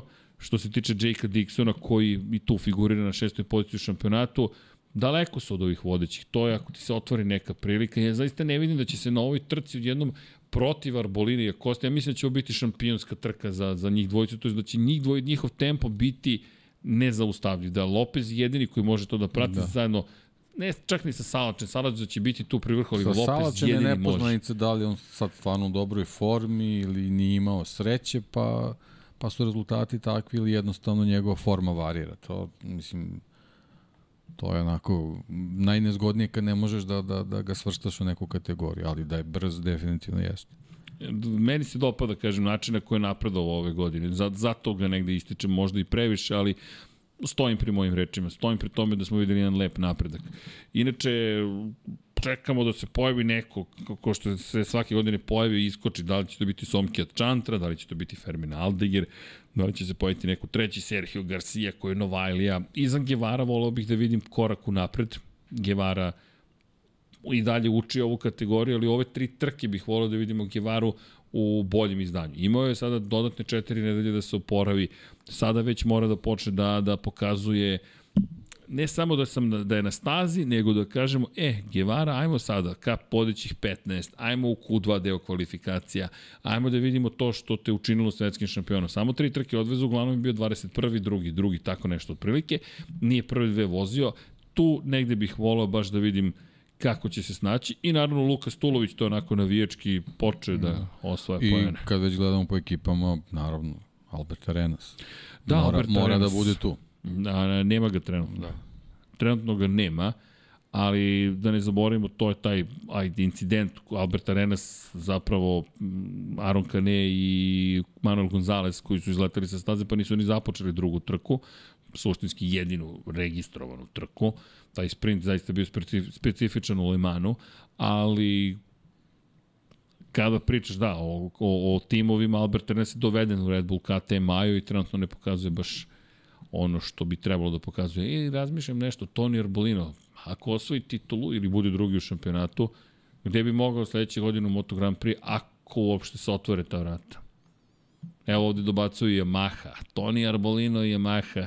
Treba da se Morbid, Morbido još, Morbidelli nije rekao svoju poslednju reč, ali ajde da vidimo. Ne znam za, uopšte kako za Toni Arbolina gde da ga stavim u celoj priči. Evo i Gresini kao opcija, pa, pa Gresini možda kao zamena za Fabio Di Antonija. Jer Diđa pitanje koliko će da ostane dugo tu. Diđa već polako gubi se smisao. Ti imaš motocikl koji očigledno može da se bori za pobjednička postolja, Diđa ga ne koristi. Ako kritikujemo Raula Fernandeza, opa, možemo, komarac, da kritikujemo i Fabio Di Antonija. To nije ono što Gresini očekuje. Dakle, mi ne pričamo sada o čoveku koji je Novajlija. Sada već poznaješ i motocikl, poznaješ ekipu, poznaješ staze, poznaješ kategoriju. Tako da možda Toniju se tu otvore vrata. Vidjet ćemo svakako. Moto dvojke opet trebalo bi da bude lep vikend, uvek su dobre trke. Dakle, nekako uvek je sjajna bitka i u Moto dvojkama i u Moto trojkama. To je ono što Mugello donese jeste taj nekako ta trka do cilja. Prošle godine nije bilo, ok, ali generalno imamo trke uglavnom koje se završavaju tako što e, juriš. Imali smo, ne zaboravite, što me dovodi do Moto3 kategorije, fotofiniš prošle godine. Garcia Guevara u hiljaditi deo sekunde. U, čekaj da, da nađem gde, gde su rezultati. U jednoj sekundi šest vozača je prošlo kroz cilj prošle godine u Mugello u Moto3 klasi. Bukvalno šest vozača. Garcia, Guevara, Tatsuki Suzuki u 12.000 tinki. Pa Minjo, Yamanaka, Rossi, desetinka i 37.000 tinki, dve desetinke za Yamanako i 34.000 dela sekunde i 999.000 delova sekunde za Ricardo Rossija. Inače, znate ko je bio na poziciji broj 7 prošle godine u Moto3 klasi u Mugello? Nešto se čuje. Nešto se čuje kod mene. Nešto da. se čuje, neki zvuk. No, nekog, kod mene, kod mene. A kod tebe, dobro. A, razmišljajte o ovoj godini i, biće, i kazat će vam se ko je bio sedmi. Ja ne bi nikad pogodio da nismo se pripremali. Ortola, tako je Mihajlo, Ivan Ortola. Ivan Ortola je prošle godine završio na sedmoj poziciji trku u Muđelu. Tako da, ako to nešto znači, Ivan Ortola pobeđuje sad u nedelju. Ali šalu na stranu, Ivan Urtola, ne znamo šta, šta može da učini. Činjenice da u ovom momentu Daniel Olgado lepo to radi u šampionatu sveta. 21 poen prednosti za Daniel Olgado u Moto trojkama. Ortola je drugi, ima isti broj poena kao Jaume Masija. Masija koji nema pobedu, Ortola ih ima dve ali na, na po koti 63, Diogo Moreira prva nezavršena trka prošla 55 poena, Čavio Artigac 50. E sad, meni deluje da je Daniel Logado otišao u onu igru igra zapravo žilavosti. Na žilavost. Pazi, on ima dve pobjede, četvrti, peti, šesti, i da je rekao, ok, ja sam izdržao taj period kada, mi ni, kada nisam bio u najboljoj formi, imao sam i povredu, ok, 21 poen. Deki, strpljiv čovek, pobeđuje, radi posao, kako se postaje šampion praktično. To je ono što nismo videli zapravo, makar što se mene tiče kod Denisa Fođe, Dakle, ovo je trebalo da bude Fođe ili Đaume Masija. Pobedim, a danas ne mogu da pobedim, ok, bit ću četvrti. Danas ne mogu da pobedim, ok, bit ću peti. Danas ne mogu da pobedim, ok, bit ću šesti, a umeđu vremenu će konkurenti da prave greške i onda dođe pobeda i ti imaš ogromnu prednost, posle samo pet trka, skoro pobjeda prednosti za, za Olgada. Nekako neprimetno gotovo. Lep posao. Pa da, ali dobro, mislim, nije to sad razlika za Moto trojke koja je onako... Nedostižna. Nedostižna, koja da. to omogućava sada nešto tu taktiziraš i, i kalkulišeš. Ovaj. Posebno ovaj, prošlu tu trku kad pogledamo imamo Sasakija koji možda se konačno budi, da vidjet ćemo da li, da li može u, u nekom trenutku da a, povrati tu formu sa početka prošle godine.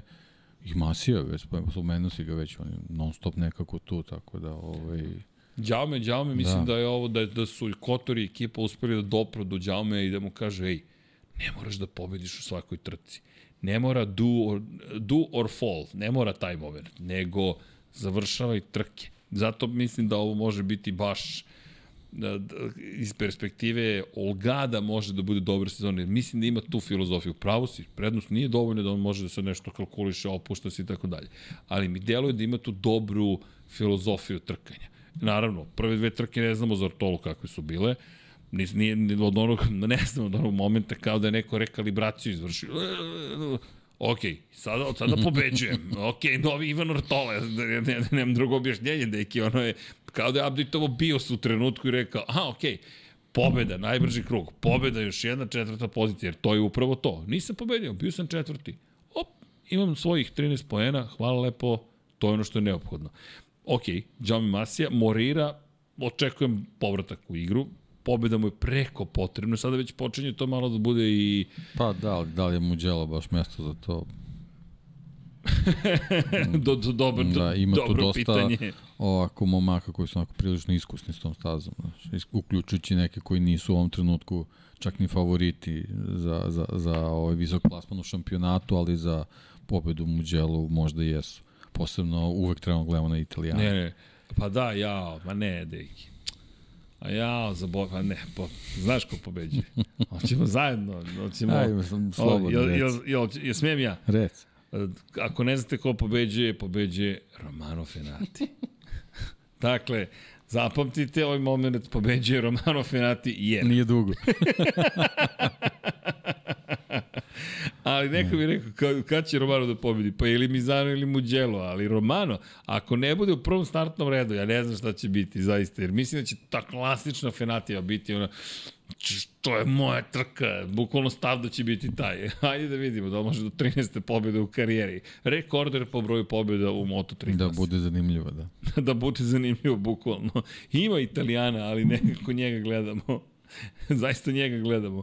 Inače, nećemo zaboraviti ni klince. Klince, David Alonso, Alonso, Jose Antonio Rueda, pokazali su da, da ima tu trkanje i naravno naš omiljeni vozač koji nikako da dođe do pobede, Denis Ončo.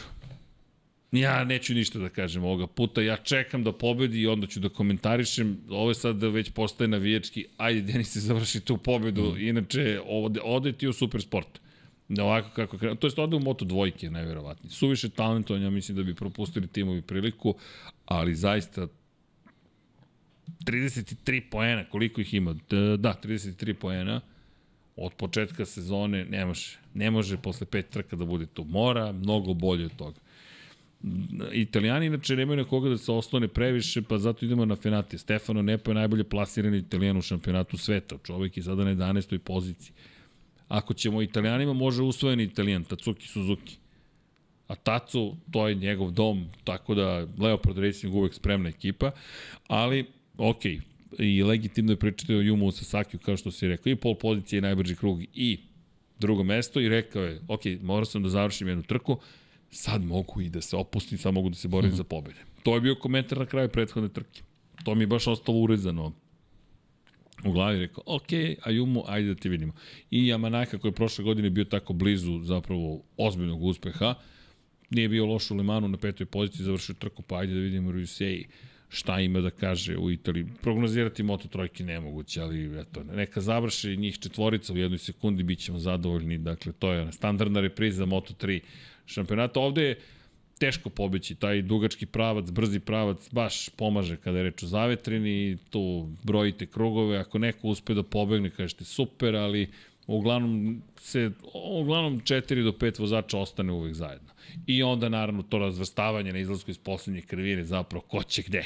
I onda vijuganje levo, desno, ko ide, ko je hrabri, ko je spreman da jel te rizikuje na izlasku iz poslednje krivine, Miguel Oliveira, kao što znamo, to je jedan čovjek koji povodi u poslednjoj krivini i pobedi. Dakle, i u Moto3 i u Moto2 kategorijama.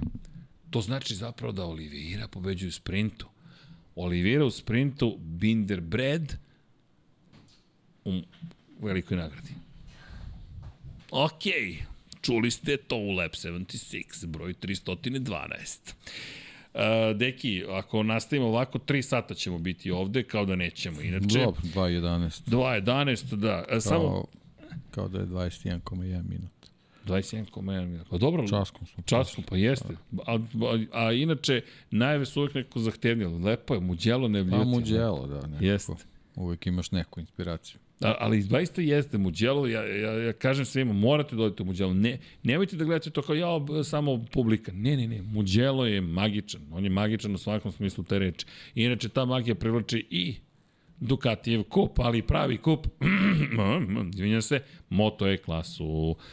Jordi Torres vodi, Hector Garza drugi, Mateo Ferrari će pobediti dva puta, zato što je to Mateo Ferrari u Italiji, inače čovjek koji je pobeđivao u svojoj šampionskoj sezoni samo u Italiji.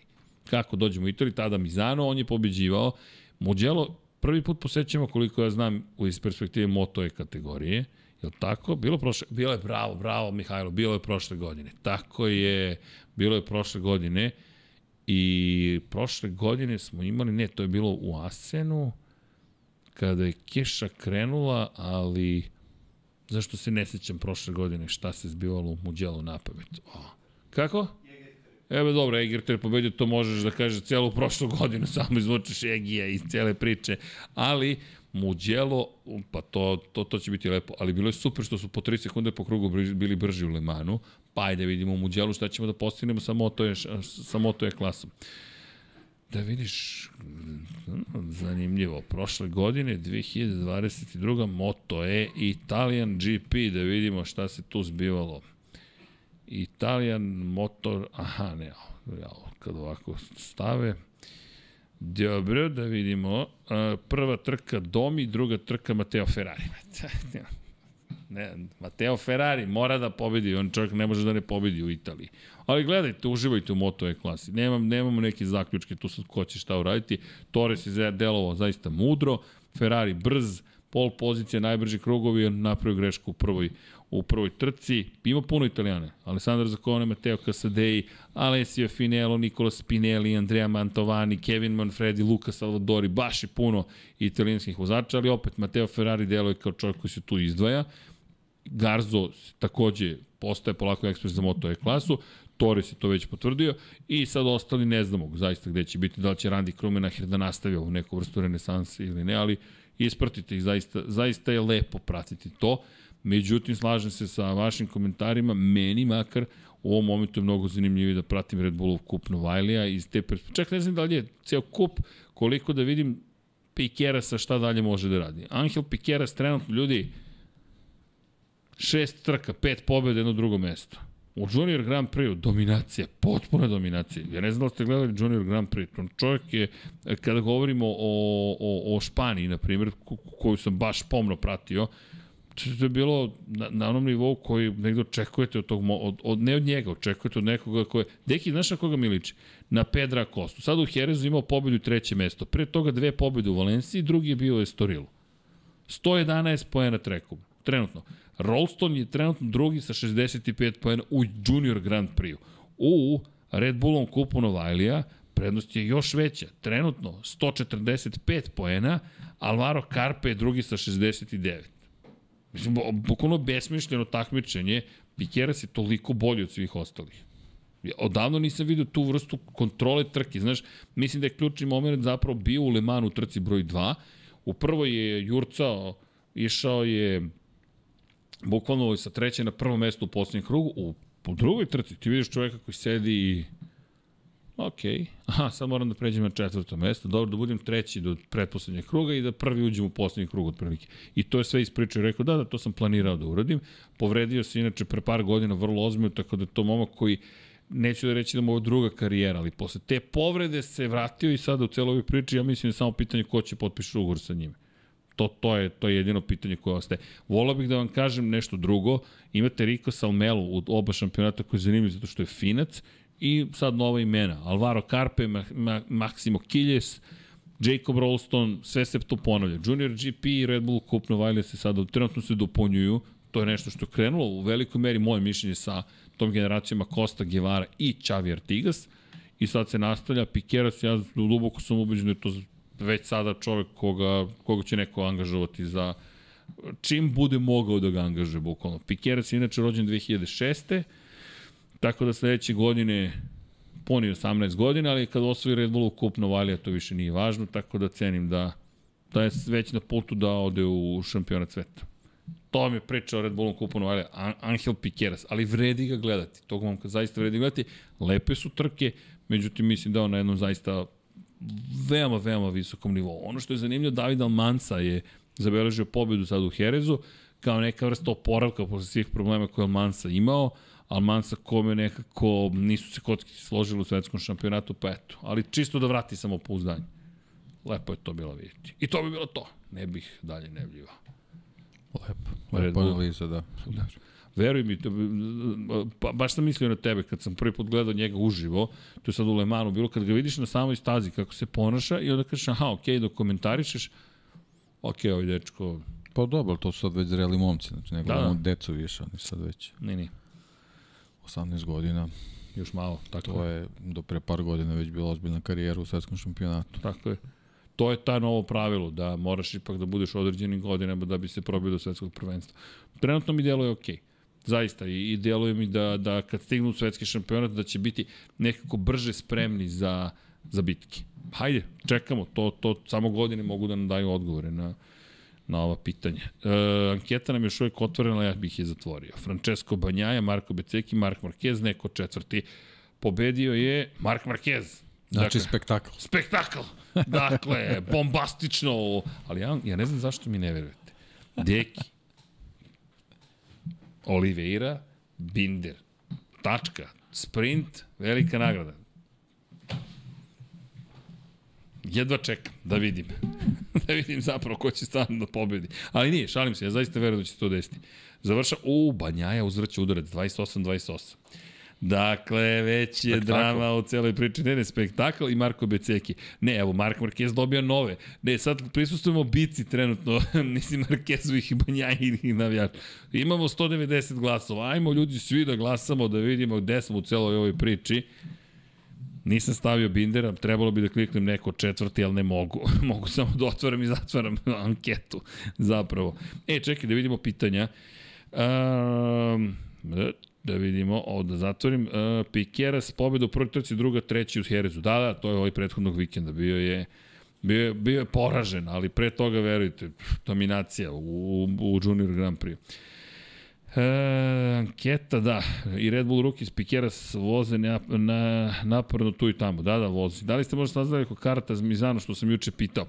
E, nisam uspio da dobijem 100% e, odgovor, ali još uvijek ima ulaznica i sutra ću baš biti u prilici da to precizno saznam It's, re, re, it's Rektor, tako da znate. A, posvetite koji minut Le Manu. Pa, a, 24 časa Le Mana ajte da vam ostanem dužan večeras taj odgovor. Evo, može tako. Ostanem vam dužan uh, večeras, ali pratite Infinity Lighthouse. Jel može tako? E, pošto smo večeras u Moto Grand Prix-u, ali mogu da vam kažem da je Ferrari bio najbrži u kvalifikacijama, prve dve pozicije i da se nadaju da će u hiperautomobilima doći do, do uspeha. Vidjet ćemo. Ovde Ferrari, navijači Ferrari odmahuju glavom, ne veruju da će se to desiti. Negde mora kolo sreće da se okrene. Dakle, mora Ferrari negde da se posreći. Deki, vidi, znam da imaš puno obaveza i stvari i svega, ali mi ćemo polako morati da, da moraš da dođeš u Formule. Znaš, ne, ne, vidi, trenutna situacija to zahteva. Vidi, Ferrari iz trke u trku napreduje se sa, sa svojim ludilima. Dakle, suviše zanimljivo da ne čujemo tvoj stav, mišljenje o celoj toj smeješ se, ok, razumem te, ali mi smo sinoć imali radio dramu, da znaš, i vrtela se upravo oko, jel te, komunikacije Ćavija i Šarla Leclerca. Box, box, box, box. Idemo na tvrde gume. Kao Orson Welles. Bukvalno. Slušalci pomisle da je istina. Tako je. Pa vidi, toliko je bizarno. E, idemo na tvrde gume. Ne, ne, momci, idemo na meke gume. E, jasno. Box, box. Pa jel ulazim sada? Da, da, ulaziš. Ušao. Idemo na tvrde. Moša! Neverovatno, ti to radiš svom vozaču broj 1, ali dobro. Uh, Mark Marquez zanimljivo kaže, Axis Kole u anketi nije ga Srki bez razloga postavio. Pa, rekli smo spektakl, rekli smo, zato smo ga Deki, stavili. Da, da, da, Deki je izabrao, ja, ja tipujem na Bindera. Ja mislim to da... To više nije spektakl. To nije spektakl, upravo si. To nije spektakl. Da, to je suviše realno, to je suviše realan izbor. Pa znaš šta, spektakl, a da ne kaže Mark Marquez, mm, Maverick Vinales. Jel može? Maverick, Maverick Vinales, jedan je Maverick, jedan je Maverick Vinales. E, da vidimo, Markiz ovih dana vodi još samo u anketama. Ne, polako. Isle of Man. E da, pa spominjali smo Isle of Man na početku. Zapravo Isle of Man nam je bio i ovo, nažalost, uh, tragedija svakako, ali i Dunlopov rekordni krug. Prvi put u Super Twinu da imamo 130 milija na čas, pobede koje niže, spektakularan zaista. I bavit ćemo se Lemanom uh, i Isle of Manom i sledeće nedelje, s obzirom na činjenicu da šesti dan tek dolazi, tako da znate. Dakle, pogledajte na početku šta smo pričali i poslušajte o Isle of Man cijelo, malo, malo ćemo da analiziramo više. Prošle nedelje smo pričali o Isle of Manu, pričali i o tim lepim stvarima koje donosi, nažalost, i ovim tužnim stvarima koje donosi, tako da sledeće nedelje mislim da ćemo imati baš puno stvari o kojima ćemo pričamo. M sve ove trke u, u Muđelu, M Muđelo sam po sebi, M najava velike nagrade Nemačke, M pogled na osvrt na Isle of Man TT, baš će biti baš će biti zanimljivo. Ali da ne ostane dužan za ulaznice, It's Rektor. Ako možete, It's Rektor, pišite nam da možemo da stupimo u kontakt sa vama na lab76 at infinitylighthouse.com pa da možemo da odgovorimo, ali odgovorit ćemo svakako i u samom podcastu na ta pitanja oko oko ulaznica, pošto ne znam tačno, ne mogu da saznam koji, mi je, koji sektor tačno je numerisan, koji nije. I kako to možete kupiti, ali saznaćemo, nemojte ništa da krenete. Nisam bio od početka, pa ne znam, ali pomerao, prošle nedelje bilo dve godine od pogibija Jasona Dupaskija. To smo pričali, to smo spomenuli prošlog puta, Jasona i da, stradao je momak u Muđelu, to je čuveni broj 50, to je jedna ta velika tragedija koja ne znam ni, nema tu adekvatnih reči, pogotovo mladi život kada se izgubi, da je bilo koji život naravno, ali drugačije kada je neko tako mlad zapravo na, na, nam nestane, nemamo ni šta da kažemo osim da ga se sećamo. Da, i to je bio onako baš jedan crn period u Jeste. motociklizmu. Jeste. To je baš period kada I smo to gubili je decu. taj podsjetnik da koliko je I takmičenje u stvari je opasno. Dovedeno i uvedeno pravilo da moraju da budu punoletni. Odatle je to i sve i krenulo i zato i sada pričamo o tome da su sada klinci, klinci nisu klinci stariji, zapravo takmičari u Junior Grand Prix, pa i u Red Bullom kupu Novajlija, kada gledamo kako im se otvaraju neka vrata, malo je drugačija situacija. Jer neki od onih momaka koji bi već potpisivali ugovore, sada moraju da prihvate da moraju tu da ostanu. Što je dodatni izazov, nije lako, ali moraš iz kruga i krug i, i iz kruga u krug da dolaziš zapravo u, iz, godinu u godinu to da si ili dalje u vrhu. Pita Boris Tutin zašto je koleginica iz komercijale danas ražalovana u koleginicu iz prodaje. A, ba, a, ne znam, to su, ov, mi smo multi-role ekipa, dakle, obavljamo više funkcija u isto vreme, eto, može to kao dobar odgovor. E, da bilo bi lepo vidjeti da to da Andrija Milanović je sad Muđelo Arabijata nisam video pitanje, ali dobro, vi vodite svoje razgovore, tako da to sve sve sasvim, sasvim u redu. Inače, da li smo nešto propustili, samo da imate neko pitanjce, vidim da, da, da časkate između sebe. E, inače, vidim spominje se Remy Gardner, Remy Gardner koji, koji, pa dobro, bori se čovek, trudi se, nije mu baš bio najbolji vikend ovaj vikend, ali Remy Gardner je u nekoj svojoj priči, pa eto, držimo mu par palčeve. E da, nismo spomenuli svetski šampionat u Superbajku, ajde da, da, spomenuli smo ga, ne znam šta bi spomenuo ljudi, Alvaro Bautista, Alvaro Bautista, Alvaro Bautista, to vam je, to su, rezultat, to su pobedni, to je pobednik sve tri trke, pol pozicije, to je super pol pozicija, očigledno, da možete sve da naslutite, Alvaro Bautista, najbrži krug u prvoj trci Alvaro Bautista, u drugoj Toprak Rezgatlioglu ima najbrži krug, opa, i Alvaro Bautista u trećoj trci.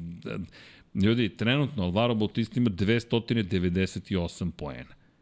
Drugo plasirani Rezgatlioglu ima 212. Treće plasirani Lokateli Andreja 150 poena. Dakle, mi sad ne više ne znam ni šta, bih, šta bismo vam rekli. Sada je pitanje samo da li će u Mostu da proslavi osvajanje titule zapravo.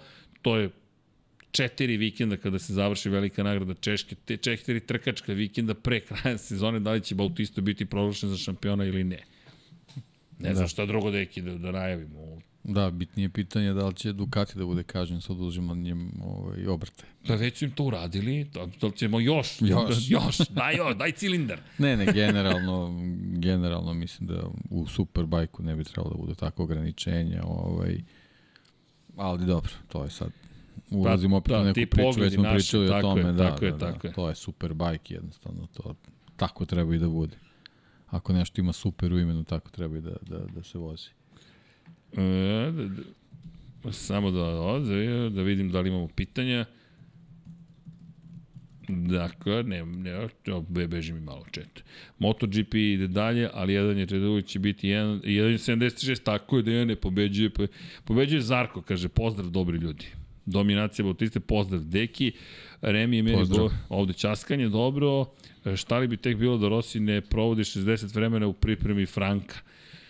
A ne znamo, znate šta, to, je, to su baš teška pitanja, nijanse odlučuju, ne znamo kod Franke šta se, zaista ne znamo šta se dešava.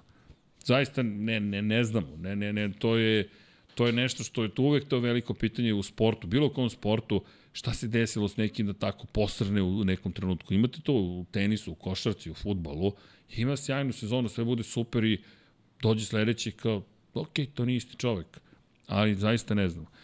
E, šta će doniti kopiranje utrkivanje sa Formulom 1 ako pogledaju sve tri kategorije u jednom i drugom sportu? Moto je daleko ispred Formula 3, nije ni blizu Moto 3 šampionatu kao i dvojke. Pa, Deki ja delimo vaše mišljenje. E, ako Deki sme da pričam u tvoje ime. Ne vidim potrebu da Moto Grand Prix imitira Formulu 1 ili da se sklanja Formuli 1. Jer mi, Hasan ima fantastičnu fotku. Fa, Hasan, čekaj, šaljem fotku. Ne znam da li ste videli ovu fotografiju. Čini se da će biti, da, će, da je neminovno spajanje, neka vrsta spajanja zapravo Formula 1 i Moto Grand Prix. Da je to jednostavno neminovnost koja nam se približava. Mislim da Carmelo Espeleta je ubeđen da zapravo treba što više da se približi Formuli 1 i da u tom smeru i vodi celu kompaniju. To je neki moj utisak na osnovu onoga što smo imali prilike do sada da vidimo. Jednostavno, uh, Ba, evo, u Barceloni te prethodnog vikenda Espeleta zajedno je sa, e, samo da nađem gde je Espeleta, da li mi je to ovde, Dakle, Hasan je napravio jednu fantastičnu fotografiju, šaljem dve fotografije. E, kada su shvatili da ih neko fotografiše, onda su se iskusno okrenuli ka gospodinu Hasanu Bratiću. Veliki pozdrav za gospodina Hasana Bratića, legendu. Samo da vidimo, kroz Slack ću da vam pošaljem tri fotografije, o pogrešne tri sam poslao, ali dobro, to je u redu. Alonso kako iskače iz bolida. Pa dobro, ni to nisu loše fotke, čisto ovako da se ima, nego ove sledeće tri. Elem, Carmelo Espeleta i Stefano Domenicali su imali razgovore. Stefano Domenicali izvrši direktor Formula 1. Carmelo Espeleta je čovek koji vodi Dornutu, koji ima komercijalna prava za Moto Grand Prix.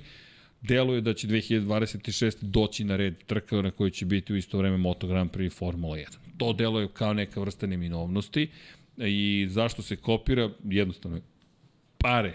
Dakle, Formula 1 toliko para sada ima. Najnovije vesti iz Formula 1 je da Domenicali planira 12 timova zapravo u Formuli 1 a da će ulog za ulazak u šampionat biti milijardu dolara. Dakle, dođete s milijardu dolara, date svoju milijardu i Formula 1 kaže hvala, dodate dve ekipe, evo, de, molim vas, kadar, kameru broj 2, molim vas. Dakle, ceo, ceo komentar je u jednom kadru, ali to su planovi. Sad, šta Carmelo Espeleta želi? Pa komercijalna prava, vlasnik komercijalnih prava. Apropo koleginice iz komercijale, evo, pogledajte kadrove, Hasan na pravo mesto u pravo vreme, Carmelo Espeleta levo i onda kad su shvatili da ih fotografiše, zdravo, zdravo Hasane, pa nismo se tako dogovorili, ne znam ko viri tamo u pozadini, ali osmeh za kameru. I ovo je savršen kadar. Zašto imitira? Pa misli da treba da ide tim putem da bi dobili više novca, jednostavno je. A što se tiče Moto Grand Prix, ja stvarno mislim da je pogrešno bilo što su Barcelonu izmislili sa svoje pozicije u kalendaru. To je to ubeđenje da zapravo ne treba Moto Grand Prix Formula 1 da budu suviše blizu jedni drugima u kalendaru. Ako jednog vikenda je u Barceloni Moto Grand Prix, a narednog Formula 1, smatruju da će se desiti kanibalizacija. To je da neće publika doći u istom broju kod jednih, kod drugih, ukoliko pomere Moto Grand Prix za jesen, na primjer. Mm, ne delim to mišljenje, ali ok, oni raspoložu s većim brojem podataka, znaju šta žele, šta ne žele. Činjenica je da trenutno pokušavaju nešto, ali nemojte to gledati iz sportske perspektive. Gledajte to samo iz perspektive novca. Mislim da je to veliki problem, jer smo stvorili pauzu od četiri nedelje, umjesto da već imamo šestu trku iza sebe, da sada dolaze sedma, osma, deveta i neku vrstu polovine šampionata. Nema Kazahstana, dakle te desete trke nema, nema 21 trke ove godine u šampionatu i onda ćemo da napakujemo za kraj sezone Nećemo mi, mi ćemo da spa, mi ćemo ljudi da spakujemo 12 trka u nastavku sezone. I to će da ide bum bum bum bum bum bum bum bum bum bum bum bum bum bum bum do 26. novembra. Jer smo se prilagodili Formula 1. Formula 1 ima svoju priču, ali dobro. Tako da odgovor leži u novcu. Dosta je jednostavno. Da li, će, da li, će, da li su u pravu, ne znam. Um, da vidimo. Uh, kada dva... Dobro, neću ovo da... Pa to su blizanci. da li je više Ferrari jednako Honda ili Ferrari jednako Yamaha? Ja mislim da je Ferrari u svom filmu.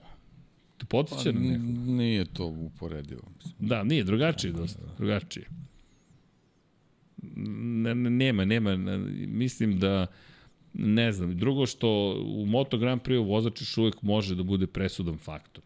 To je ono što je Mark Marquez pokazao u Le Manu.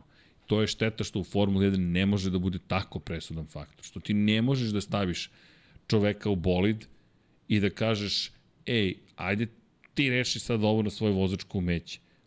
Charles Leclerc, I kad bi bio najgenijalniji strateg na svetu, mi to ne bismo saznali jer Ferrari ne želi da ga posluša. Samo zamislite da Mark Marquez uđe u garažu i kaže stavite mi zadnju meku gumu, a Santi Hernandez stavi srednje tvrdu.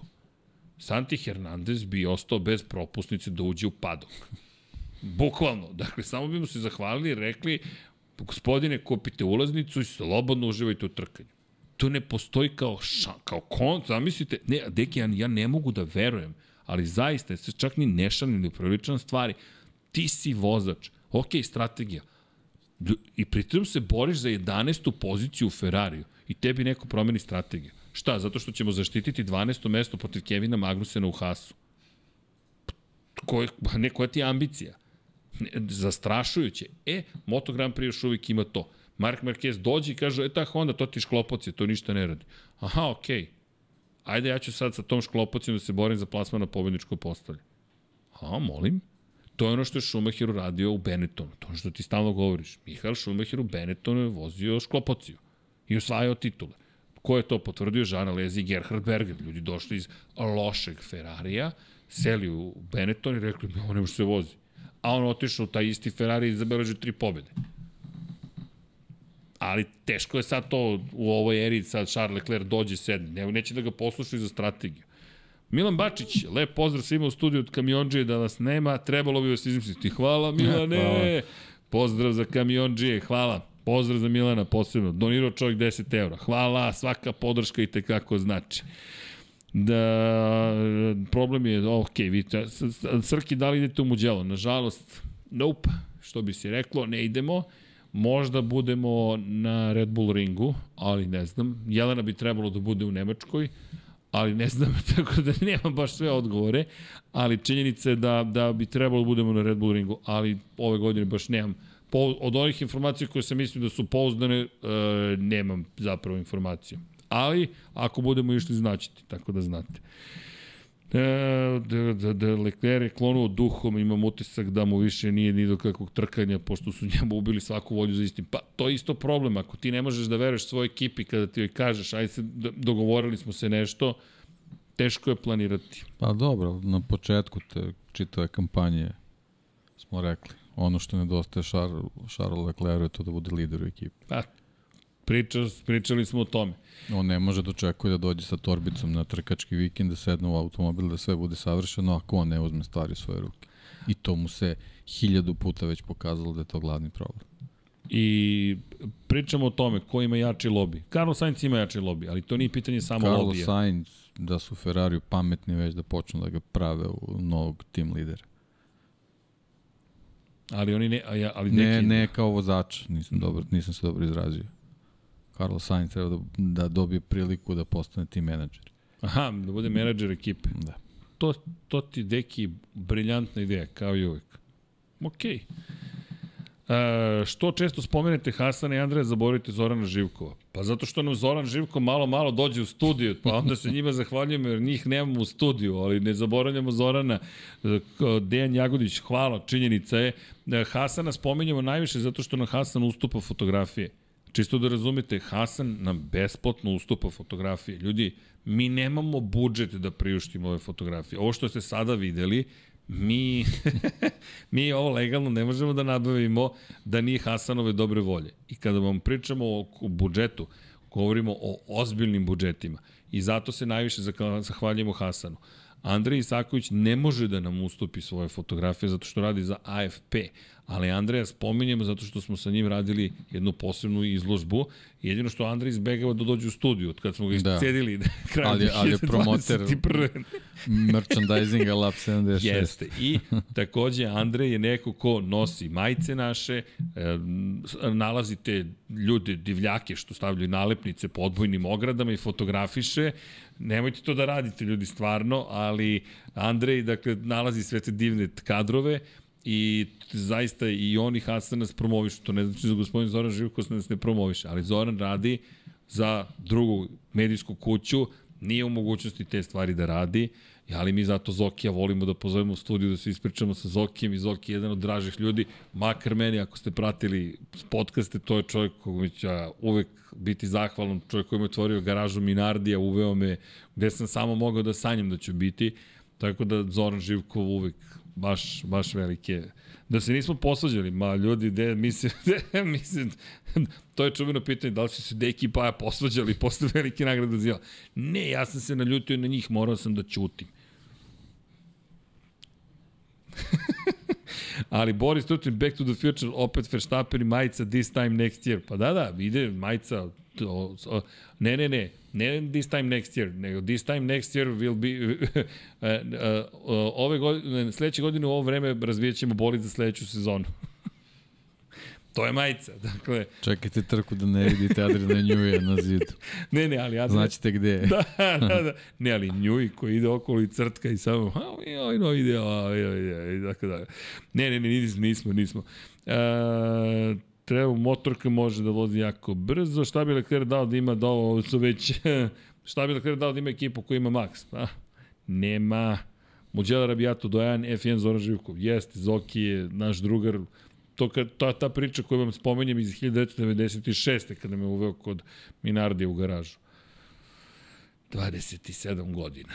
Tako da, gospodin Zoran Živkov, imamo lep odnos, rekao bih, a što se tiče gospodina sa moje desne strane, legenda, apsolutna. Ne, ozbiljno, pa ne znam, zapravo mnogo ljudi ne znam šta ste iz Oki i ti sve radili tokom svojih karijera. Jao, pa znaš šta?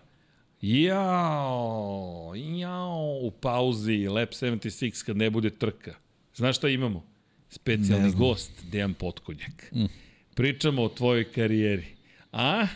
Pričamo o tvojoj karijeri. Kad je počelo, zašto je počelo, šta si sve Ma, radio. ko se toga seća? Da, iscedit ćemo te, nemoj da brineš. A onda naravno pričamo i sa ostalim. Srki imam jednu teoriju. Repsol se završava ugovor sa Hondom kao i Markezu. Da li postoji mogućnost da Repsol ode sa Markezom u drugu fabriku?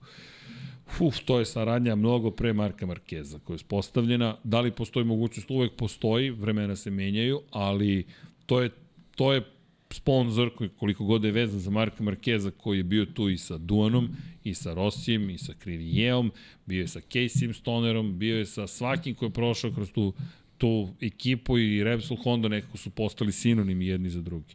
Da li mogu da isprate Markeza ako bude odlazio? Ne znam. Zaista ne znam. Kaže, nisi pozdravio mamu i tatu Erceg. Mama i tata, ako ste tu, pozdrav za mamu. Podavno su mahali. Me su mahali? Yes. Jao, nisam vidio. Mama, izvini. Pozdrav za mamu i tatu. mama, mama i tata. Da, da. Da li ima nekog pomaka u organizaciji MotoGP-a u Mađarskoj? Da li prilagođavaju stazu moto trkama? Pa, um, ako mislite na Hungaroring, neće, ukoliko bude bilo Moto Grand Prix, neće ići na Hungaroring. Dakle, to je, bilo je priče o tome, zapravo ne znamo, evo da vam kažem iskreno, nemamo predstavu. Zato što u Mađarskoj ima stalno oprečnih informacija, ne znamo šta će na kraju biti dogovor. Zaista ne znam, jer bila je priče o, o Balaton ringu još pre 15 godina da će se desiti, pa se nije desilo, pa smo imali novu priču da će se desiti do 2022 ili 2021. pa se nije desilo, pa smo imali priču da će Hungaroring biti preuređen, pa čekamo, mnogo je tu informacija, ali ne znamo nešto da nešto više od toga. Igor Sterviv kaže, da li smatrate da je Pramak bolje mesto za Becekija? Ne. Ne, ne, ovo je kuća. E sad, da li je to bolji korak ka fabričkoj ekipi, to je, to je drugo nešto. Ne znam da li fabrika mora, da li insistira na tome da neko mora da prođe kroz pramak da bi došao do fabrike, s obzirom na činjenicu da samo pramak ima ovogodišnje motocikle zajedno sa fabrikom, možda je to put, ne znam, ali VR46 ekipa je, ljudi, atmosfera u VR46 ekipe, ajde, to nije fair, to nisam, to nisam uradio moj posao kako treba atmosfera na stazi u VR46 timu je potpuno drugačija odnosu na većinu timova. Dakle, to je, bukvalno možete da osetite tu priču koju je stvorio Valentino Rossi. Zaista govorimo o njemu, on nije tu, on uglavnom nije tu. Ali ko je tu? Učio, njegov najbolji prijatelj, dugogodišnji saradnik. Bio sam skeptičan po pitanju Učija kao samostalnog menadžera. Ne, on i Pablo Nieto su stvorili fantastičan tim. Tim koji objedinjuje one kvalitete koje imao Rossi. Deluje kao da se zezamo, da je sve šala, ali smo mega profesionalni. I vi kad uđete kod njih u ekipu, sve na svom mestu. Ko mislim da je tu zapravo ključna ličnost? Mateo Flamini. Zapravo, da, da mi u toj priči imamo inženjera koji je mnogo ozbiljan, fokus to je ono što si ti deki rekao. Ukidaj Moto2, ukidaj Moto3, ne možeš da se rasplineš toliko. KTM nije mogao toliko da se raspline i VR46 tim je super ozbiljan, ali koliko se oni lepo zabavljaju. To je nešto što ne možete baš tako lako da nađete. Kod Lučića Kinela lepo je raditi kada se pobeđuje. Lučio je malo zahtevniji šef ekipe. Zahtevniji. Ne znam kod Razlana Razalija kako je, ali Razlan Razalija imao probleme finansijske prirode. Čim znate da postoje probleme finansijske prirode, uvek je to pitanje ja, gde bi mogao drugde da odem. Teh 3 je u jednom momentu izgubio svoj sjaj, RV Poncharal nije uspeo u tom, sada kao gas gas je malo situacija bolja, i od tih privatnih tima dođete do prima Pramaka koji je dobro organizovan, ali nema tu vrstu atmosfere. Vidi se da je satelitski tim. Baš se vidi da je tu postoji ta blisko sa Ducatim. Sad, da li bi to Becekiju pomoglo u smislu, e, ovo ti je put do fabrike, ne znam. Zaista nemam pouzdanu informaciju da vam kažem, e, to moraš da uradiš da bi postigao svoju želju. Beceki ne krije da želi fabrički, fabričko sedište. E sad, da li, je, da li će se otvoriti u Ducatiju? Ne skoro. Bar deluje da neće skoro. Mada s Ducatiju nikad ne znaš ko zna šta, šta će doneti 2024. Tako da ne, nisam siguran. Šta ti misliš, Deki? To je prima pramak moment. Pa ne znam da li je, mislim da smo jednom pričali o tome, ne znam da li je to dovoljno visoka stepenica posle, posle VR. Jeste da je VR nova ekipa generalno u šampionatu, pa kao delo sad ako ideš u pramak koji je tu nešto etabliran, pa ali Pramak u svojim redovima nije nikad imao zvezde, da kažete vozač koji je dolazi u Pramak da je u tom trenutku bio nešto ultra, ultra giga mega. A Beceki bi sa nekim svojim razvojem ove sezone mogu da bude ozbiljan igrač U prelaznom ovaj, periodu? Koji bi previše trebao pramaku nego pramak njemu. Pa, lepo rečeno. To je to. Da, lepo ne, rečeno. znači, nekako to je sve povezane stvari, jer onako bude uspešan u VR-u, ta uspešnost će dovesti do toga da njemu pramak nije dovoljna sredina. Onako već neke stvari postigne u, u Muniju, što bi, što bi on menjao ekipu. Drugo, pazi ovo, VR46 tim. Da li, da li bi Bastianini menjao ekipu ovaj, da li bi menjao Gresini za pramak da nije dobio šansu za, da dođe u fabričku To je teško. Zašto bi to sebi radio? Zato mislim da ni ne bi, ne treba to da radiš, ali sad da li to mora da bude put, ne znam, Pa, ne. ali si lepo rekao, Znaš, on to, postaje to, zvezda. Taj fabrički On motocikl koji dobiješ u pramaku ne znači da je to odmah, odmah neki, neki veliki korak. To je pre svega veća kocka. Ima još jedna stvar. Pramak ima manje pobjeda u svojoj istoriji nego VR46 tim. Pramak ima jednu pobedu za svojih 20 i nešto godina takmičenja. VR46 Ima ima manje, manje pobjede i od Gresini. Ima manje pobjede od Gresinija, tako je. Tako da Pramak je zapravo satelitski tim. Ja ne vidim to, ali sad si mi dao ideju da će možda da Marka jure druge fabrike. Znaš, to može da se otvori iz prilika, da kažeš čekaj Marko, ako si toliko dobar. Jer ako su mu zatvorena vrata Ducatija, koliko možeš da čekaš da ti se negde otvori ako želiš fabrik, a fabričku saradnju. E, da vidim samo koliko košta onako neka ekspedicija grobnika ako nije tajna. Pa ne znam sad koliko, pričao je Miksa o tome. Pa da, mislim da ima, ima ali nije sad to ništa spektakularno skupo, da se odmah razumemo. Zato je, zato je i, i mo, može da se priušti.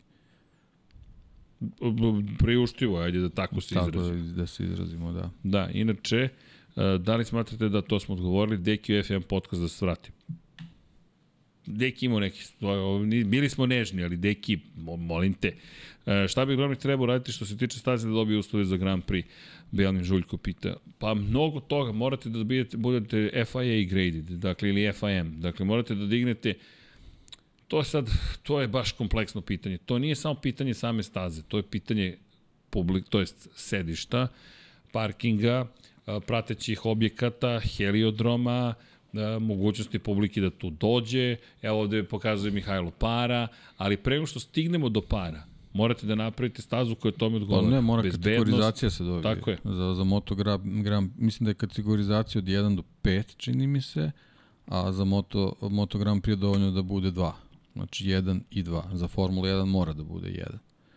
To je ta neka kategorizacija, tako da to, to su osnovni uslovi koji moraju se ispune sad kao u izvezdice u hotelima. Postoje određeni Spisak. parametri koji dovode do toga ovaj, kako, kako stižeš do, do te kategorizacije. Tako da posebno nova staza koja tek treba da, da prođe, verovatno te sve te homologacije i ko zna kakve inspekcije da bi moglo se odredi ovaj, koju kategoriju ima, sudeći po onim, onim slikama što smo videli i, i, i nekim da, da. Planovima koji su procurili, mada to nije onako, sve pod nekim velom tajne, jer pojavili su se nekoliko tih konfiguracija koje se prilično razlikuju od prve do poslednje, tako da sad je veliko pitanje šta i kako, s obzirom da su tu provejavale priče da su španci, investitori, neki njihovi fondovi, tako dalje, tako dalje, pretpostavljam da to prilično povezano sa, sa organizacijom strukturom Moto Grand Prix, tako da verujem da ako je pravljena ta staza, da je pravljena da možda zadovolji Moto Grand Prix standard. Za Formulu 1 realno nema potrebe, pošto već postoji Hungaroring. To bi bilo samo onako bacanje para sa, sa nekom nadom da u nekoj budućnosti se dobije ta trka, ali nepotrebno je pošto je Hungaroring tu.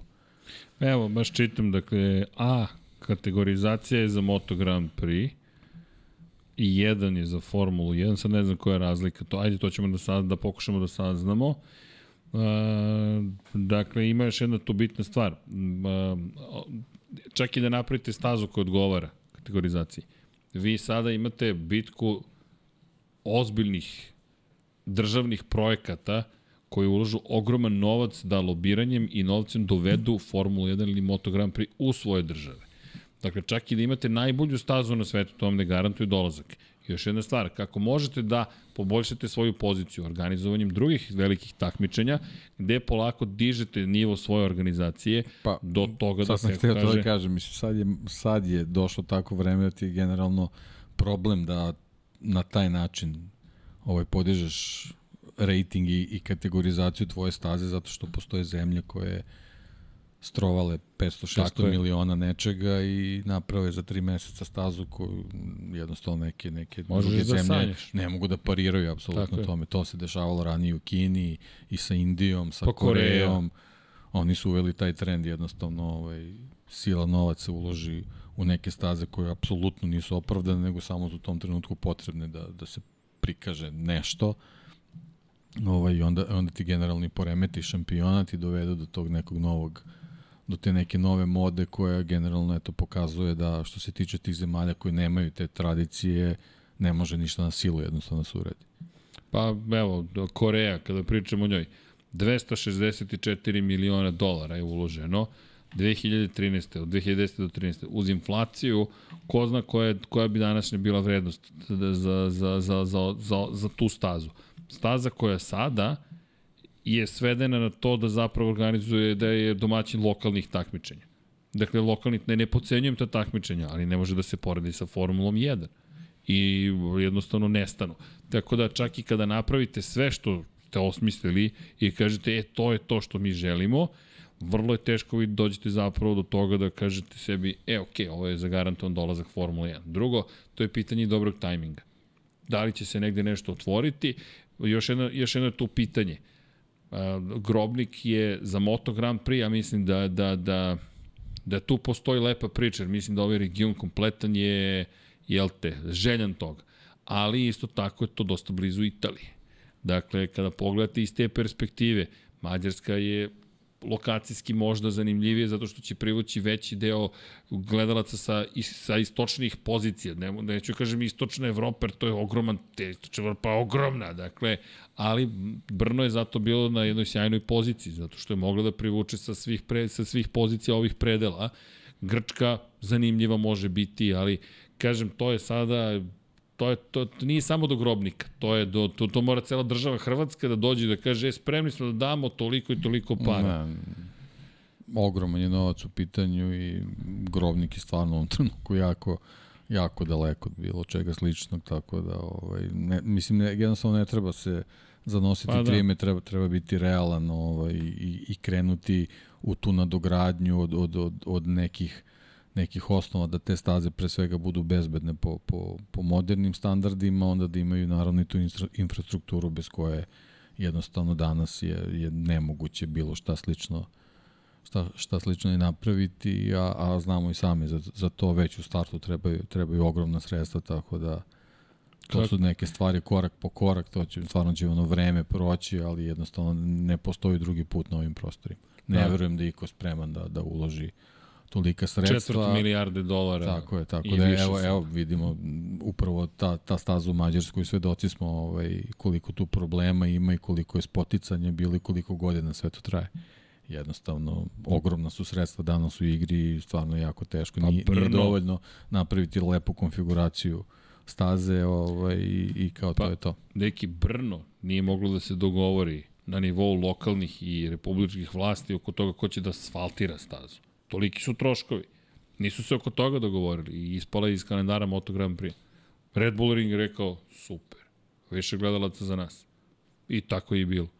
I više gledalaca dolazi sada na Red Bull Ring, koji je fenomenalna organizacija. Sad, koliko god mi volili grobnik i želeli da se tu dese trke, trenutno je to dosta daleko. Pa ne, dovoljno, dovoljno je Realizacija. dovoljna informacija koliko u, u podatak u stvari da, da u poslednjih sad već ne znam, nija 15 godina u Nemačkoj nisu zainteresovani da, da organizuju velike nagrade onako kako treba. Što Formula 1. Formula 1. Da. Tako da sve je tu jasno, oni su onako pragmatični i sve stavljaju na papir. Nije to samo da li je popularan nemački vozač ili nije. Schumacher je bio anomalije, naravno, to jednostavno Izuzetno, nije, nije moglo drugačije da prođe, ali u stvari verovatno zbog te njegove dominacije su organizatori bili prinuđeni da imaju trku. Verovatno ni tad ne bi imali da, da nije bilo njega. Tako da to u stvari najbolje govori ovaj, kako ta računica nekad se baš ne slaže kako, kako neko očekuje i kako bi neko volao onako emotivno. Jednostavno, ogroman je novac u pitanju i stvarno je ovaj, teško zamisliti da, da na nekom našem prostoru ovaj, u nekom kratkom periodu se napravi staza koja će tako eto, zadovoljavati te, te ne, neophodne standarde. Da, evo, pitanje je zašto je Kazahstan zanimljiviji. Ah, pa, mislim da je odgovor uzmu u vodu hemijsku olovku, izvuku naftu u, u, sat vremena toliko da, da mogu da ovaj pokriju cenu izgradnje staze. Tako. Mislim, jednostavno pa, da. u poslednje vreme tako, onaj, onaj kome, kome novac, ovaj, ko mnogo lako dolazi do tog novca, jednostavno može sebi da priušti popularizaciju na taj način. Pa Kazahstan, ajmo, ajmo ekonomija Kazahstana, negde oko 250 milijardi dolara je nominalni bruto domaći proizvod. Dakle, znači neka milijarda se odvoji sa strane i nije neki problem. Imaju prosto mogućnosti to da učine. I ako pričamo, ne znam, o, o, ne znam sad koliki bruto domaći proizvod bio hrvatski prošle godine, evo, 68 milijardi.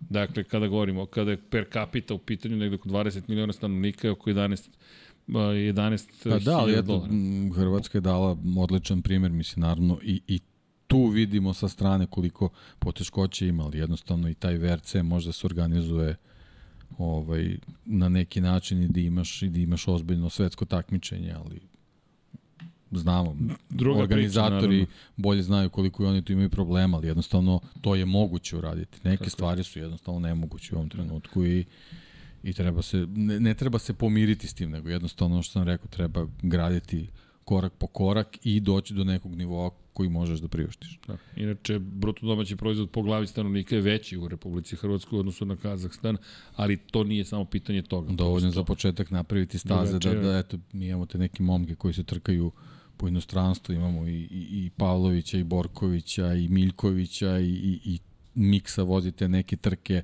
dovoljno da imamo stazu da mogu ti šampionati da, da, da se pojave, a lako ćemo za Moto Grand Prix i da, za Formula 1. Na regionalnom nivou da postoji staza, pa korak po korak, da stvoriš i kulturu toga da se tu dolazi na trke, da se organizuju trke, se prenose trke, komentarišu trke i tako dalje. Evo sad je skoro je bila, ovaj, Miloš je vozio u Pergusi neke trke, Borković je vozio u Povu, to su staze koje nikad neće videti Formulu 1 i ni bilo šta slično, ali jednostavno tamo se voze jako zanimljive trke, imaju svoju istoriju, tradiciju, gomile gledalaca su tu i jednostavno i zašto, zašto tako neki šampionati ne bi mogli da dođu u region. Znači ne mora odmah pucati na, na nešto što je pre svega neisplativo.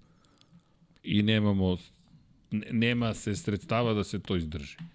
Tek tako. To je zaista ogromna investicija. I pitanje opravdanosti. Zar nema nešto što može i drugo da se uradi? Koliko god ja da volim Formulu 1, Apsolutno, da, da. Ima, ima nekih drugih prioritetnih stvari. Ali, ali eto, to, da, da... Mislim, Moto Grand Prix Formula 1, bez obzira koliki kalendar bio, to je samo nekih 20 lokacija na planeti. Jeste. Treba, treba biti među njima. A zašto kad ima i mnogo drugih zanimljivih trka? Evo i Dejan Lopičić to kaže, pa za početak bi bio zadovoljno da u regionu postoje ozbiljne staze za neka regionalna takmičenja, rado bih posjećivao. Nemam mogućnosti gledati bilo kakve trke, a ne Moto Grand Prix. Upravo to. Jer kako je uopšte došlo do Moto Grand Prix? Tako što je neko krenuo od nečeg manjeg, pa je rekao ajde da se trkamo, ajmo da imamo kup takmičenja, ajmo da imamo regionalna takmičenja, ajmo da imamo školu za, za trkačke vozače, ajmo da imaju bezbedno mesto da izađu da se takmiče i da se voze. Zamislite da imamo tri pristojne staze u regionu. Pa tu možeš i neki šampionat da organizuješ, pa onda okreneš smer kretanja, ne znam, ima kombinacije, to je malo skupo, ali ima, imaš nešto što možeš da radiš. Pa onda kažeš, čekaj, ajmo da odemo do Mađarske, ajmo do Rumunije, ajmo do Bugarske, ajmo do Grčke, napraviš celu priču i neki šampionat, napraviš balkanski, ne znam, i kažeš, e, okej, okay, imamo gde da se trkamo. To je, to je, to je negde, to je naše mišljenje. Ima toga, ali tu onda dolazimo do svoje ta sebičnosti to su sad već neke druge stvari koje su uključene u ovu priču i onda to sve bude malo komplikovanije, ali Deki, to nisu teme našeg zato podcasta. Zato Lab 76, napravit ćemo mi stazu za, u ovom obliku. Pa već smo dobili. Dobili smo je, tako, tako je. Pozdrav za kreatora naše staze. Bilo, tako da. je, tako je. Inače, Master ima pita po stoti put nikako da mu odgovorim, izvini Master ima, da li Moto Grand Prix krenuo da radi neki novi marketing, počeli su da šalju poruke u DM na Instagramu, poslali su mi raspored za ceo vikend, verovatno je neka vrsta marketinga. Da, svima koji pratimo Moto Grand Prix su stigle poruke da, da o rasporedu, o svemu ostalome. To je kao Viber grupe, kao što na Viberu se već, ili Viberu, kako god želite, komunicira već neko vreme, tako sada Instagram počinje da pruža mogućnost da pratioci sa pratiocima možete tako da komunicirate. Tako da krenuli su u obaveštavanje, sad ne znam, nadam se da ću uspeti da, da razgovaram sa, sa ekipom s kojom inače pričamo iz Moto Grand Prix, da imamo šta su im sve planovi, bilo bi lepo. Ej, udrite like kada ste već tu. Kada je ekipa već tu. Deki, Um, ušli smo u ponoć, mislim da, to je prošli smo ponoć, mislim da je vreme da se polako pozdravljamo, dragi ljudi, nemojte da se, da, da se ljutite, ali vreme je da idemo malo i da dremnemo, da se napravi neka staza kod nas sa dosta krivina u levo, pa će i Mark Marquez da podrži. ali samo od 76 kruga da se vozi na vašoj stazi. Isključivo 76. Ko vozi manje, zabranimo mu učešće. Evo, sad ćemo da izračunamo. Čekaj, pa to, ko, ej, 305 sa 76, je li to deki? Ja, 4040 metara je krug. 4040. 4076 metara je krug. Eto. Eto. Toliko košta i Dux. Japan specijal, tako da je sve kako treba. Da, inače, za one koji ne znaju, trke u Formuli 1 moraju da traju 305 kilometara. Tako da, prvi krug posle 305 km je završni, osim u Monaku. A ovo je najnoviji izdanje za one koji vole statistiku Moto Grand Prix Gajda, 4076 dinara. Spremili su sve, ti kažem, top shop topshop.infinitylighthouse.com Ja uvek lajkam i pre nego što krene live. Tako je Master Rima. Ljudi, vreme je da idemo polako da spavamo. Imamo još posla. Tek kreće zabava, žurka, Imamo i 24 časa Lemana i Alf Man, kao što smo rekli, i Moto Grand Prix, ma svega ima ovoga vikenda. Imamo i Fast and Furious 10, to očekujte specijale neki za vikend, ko voli filmove, malo smo se družili, vidjet ćete šta smo to radili, eto, idite u bioskop, zašto?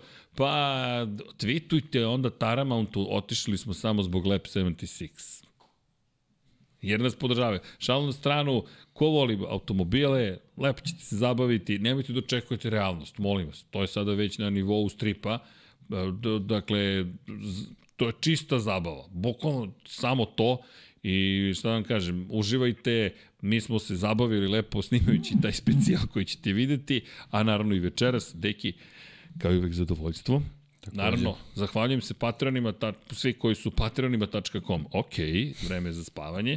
Svima koji su naši pokrovitelji, to je patroni, svima koji su članovi, svima koji kliknu like, subscribe, share, kritikuju, hvala je, dele sa nama radosti, po, potražite nas i na društvenim mrežama, zapratite ukoliko ste u mogućnosti, ukoliko vam se dopada ovo što radimo, na YouTube-u, subscribe, ne morate zvonce, znači nam te stvari time nas podržavate kako kod YouTube-a, tako i kod potencijalnih sponzora, da bismo ostali nezavisni, vi nam pomažete i hvala na tome. Ko klikne join, hvala. E, neko je kliknuo join, čekaj na početku, mislim da sam video. E, ako se ne varam, a možda i nisam, možda mi se samo učinilo. Uh, ili je meni tiltovao YouTube studio. Biće da mi je tiltovao YouTube studio, ali to je sve u redu, važno je da mi i dalje emitujemo. E, evo ga, samo sekund, molim vas da vidim da li sam uspeo da dobijem viewer activity. Branko Rašević, welcome to Svetioničar početnik. Hvala Branko za članstvo. I naravno Milan Bačić još jednom, hvala na donaciji. Dragi ljudi, to bi bilo to za sada, ali kada pričamo o Moto Grand Prix zabava, tek počinje, trostruki vikend ide, dum, dum, dum, Italija, Nemačka, Holandija i naravno bit ćemo biti tu. A sada, zahvalnost svima onima koji nas podržavaju kao patroni, gledat ću levo, nemojte ništa da brinete, pošto ovaj televizor ima kameru ispred sebe, pa da ne pogrešimo čitanju nečeg imena ili prezimena. Hvala ljudi i naravno vratit ćemo se da vas pozdravimo kako doliko je. Hvala Milan Kića, Dragan Nikolovski, Miloš Vuletić, Nikola E, Stevan Zekanović, Matej Sopta, Mario Jelena Komšić, Marko Petrekanović, Lazar Hristov Kovačević, Omer, Denis Špoljarić, Andreja, Predrag Pižurica, Miroslav Cvetić, Nenad Pantelić, Boris Golubar, Ivan Maja Stanković, Ivan Ciger, Đorđe Radojević, Jasmina Pešić, Branimir Kovačev, Luka, Ivana, Mirjana Živković, Darko Trajković, Aleksandar, Ognjen Grgur, Đorđe Andrić, Vlada Ivanović, Đole Bronkos, Marko Marković, Đole Cheesehead, Jeca and Stefan, Kristijan Šestak, Jelena Jeremić, Jasenko Samarđić, Ognjen Marinković, Miloš Todorov, Neđo Mališić, Đurđica Martinović, Boris Gvozdin, Martin Gašpar, Borislav Jovanović, Salim Okanović, Marin Antunović, Živojin Petković, Aleksandar Mitrović, Daniel Kolobarić, Bojan Markov, Dejan Đokić, Stefan Ličina, Nikola Božinović, Marko Ćurčić, Alen Vuletić, Dušan Ristić, Ferenc Laslofi, Crnogorski džedaj, Ivan Panajotović, Boris Erceg, Sava Dugi, Zoltan Mezeji, Ivica, Anonimus Donatorus, Bojan Majstorović, Marko Blagojević, Andrija Todorović, Danijela Ilić, Stefan Radosavljević, Ivan, Stefan Dulić, Vukašin Vučenović, Emir Mešić, Stefan Janković, Vučinić Miroslav, Vladimir Stojadinov, Aleksa Vučaj, Strahinja Blagojević, Borislav Vukojević, Bata Brada, Stefan Vidić, Laslo Boroš, Anonimus Donatorus, Milan Paunović, Bahter Abdurmanov, Aleksandar Milosavljević,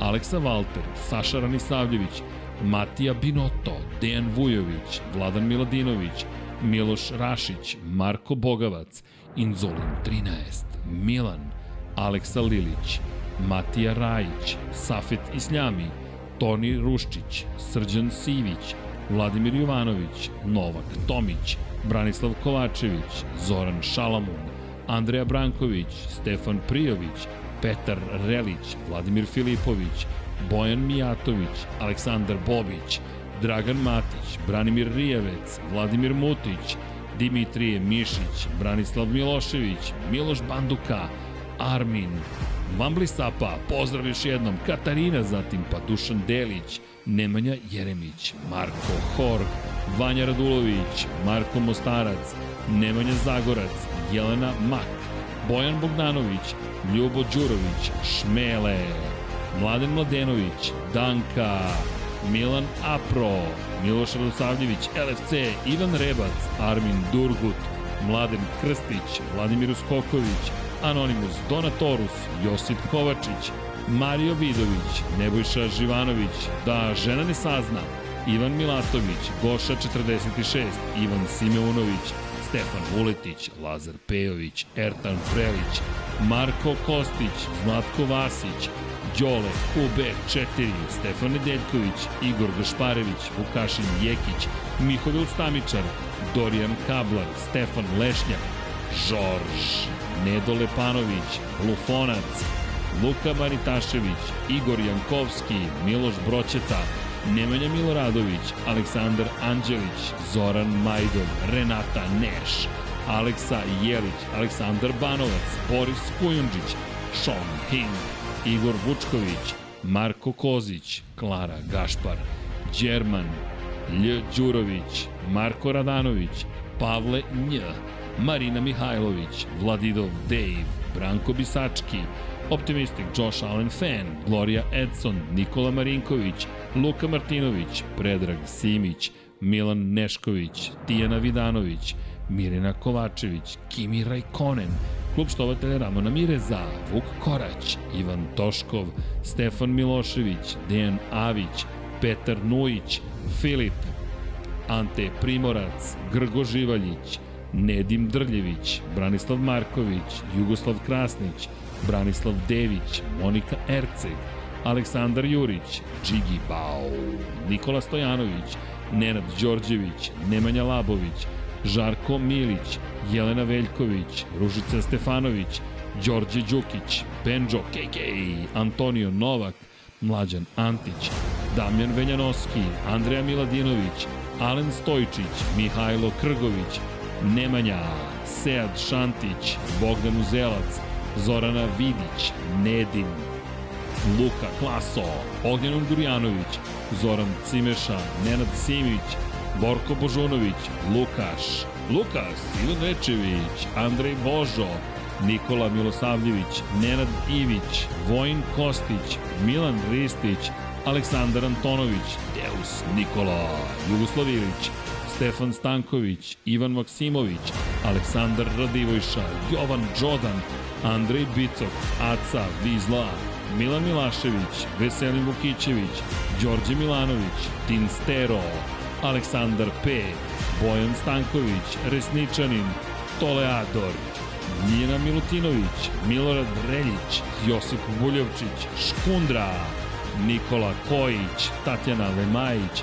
Vladan Miladinović, Marakos, Kosta Berić, Uroš Ćosić, Ivan Vincetić, Miloš Zed, LFC, Ada Sokolović, Marko Bogavac, Oliver Nikolić, Toni Soni 76, Ivana Vesković, Drago Veković, Blagoj Ačevski, Vladimir Subotić, Krorobi 00, Poj 0, Mateja Nenadović, Nemanja Miloradović, Bruno Jurić, Ivan Vujasinović, Marina, Nikola Vulović, Nikola Niksi, Jelena Jeremić, Alen Jesenović, Bojan Markov, Milanka Marunić, Omer Sarajlić, Đorđe Janjić, Vojislav Tadić, Ivan Magdelinić, Anonimus, Donatorus, Igor Ilić, Goran Mrđenović, Nemanja, Domagoj Kovač, Aleks Vulović, Nikola Grđan, Đera 7, Nikola Petrović, Pavle Lukić, Vuk, Srđan Ćirić,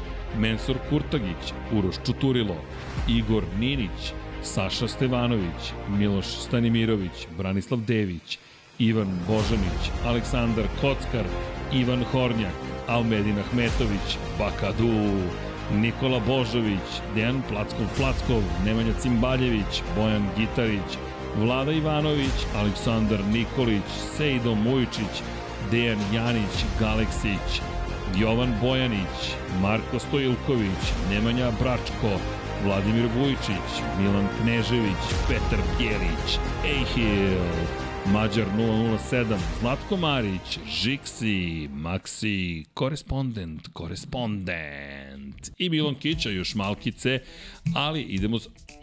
Deki, pa pa para pa para pa, pum, ts,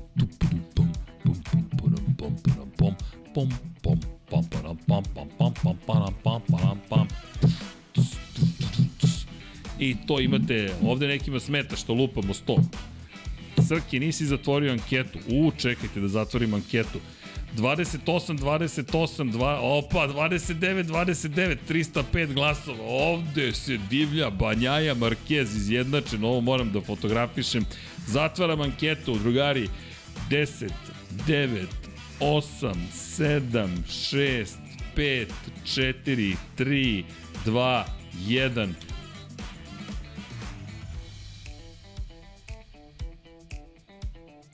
Dvoplan. 1, 2, 3. Ćao, Ćao svima. svima. It's been 22 years since we started the saga. How did we get so lucky to come so far? This family is ready to come back together. It's a dream come true. I mean, it's definitely bucket list for sure. Boom! We're at the apex of this franchise. Fast. Oh! The heart and soul of the Fast and Furious franchise, boots on the ground, on location. The more movies we make, the bigger they get. We continue to outdo ourselves. Because we owe it to our fans. The enormity of everything hits you like a right hand to the jaw. You still know how to drive? Every time I'm on set, I have to pinch myself. I am now a Toretto. You are now a Toretto. I just have been badgering them to participate in this. It's such an honor to be part of this family. That's the problem with having such a big family. How do you choose the ones you save? We're so lucky to be able to continue this saga for all of you.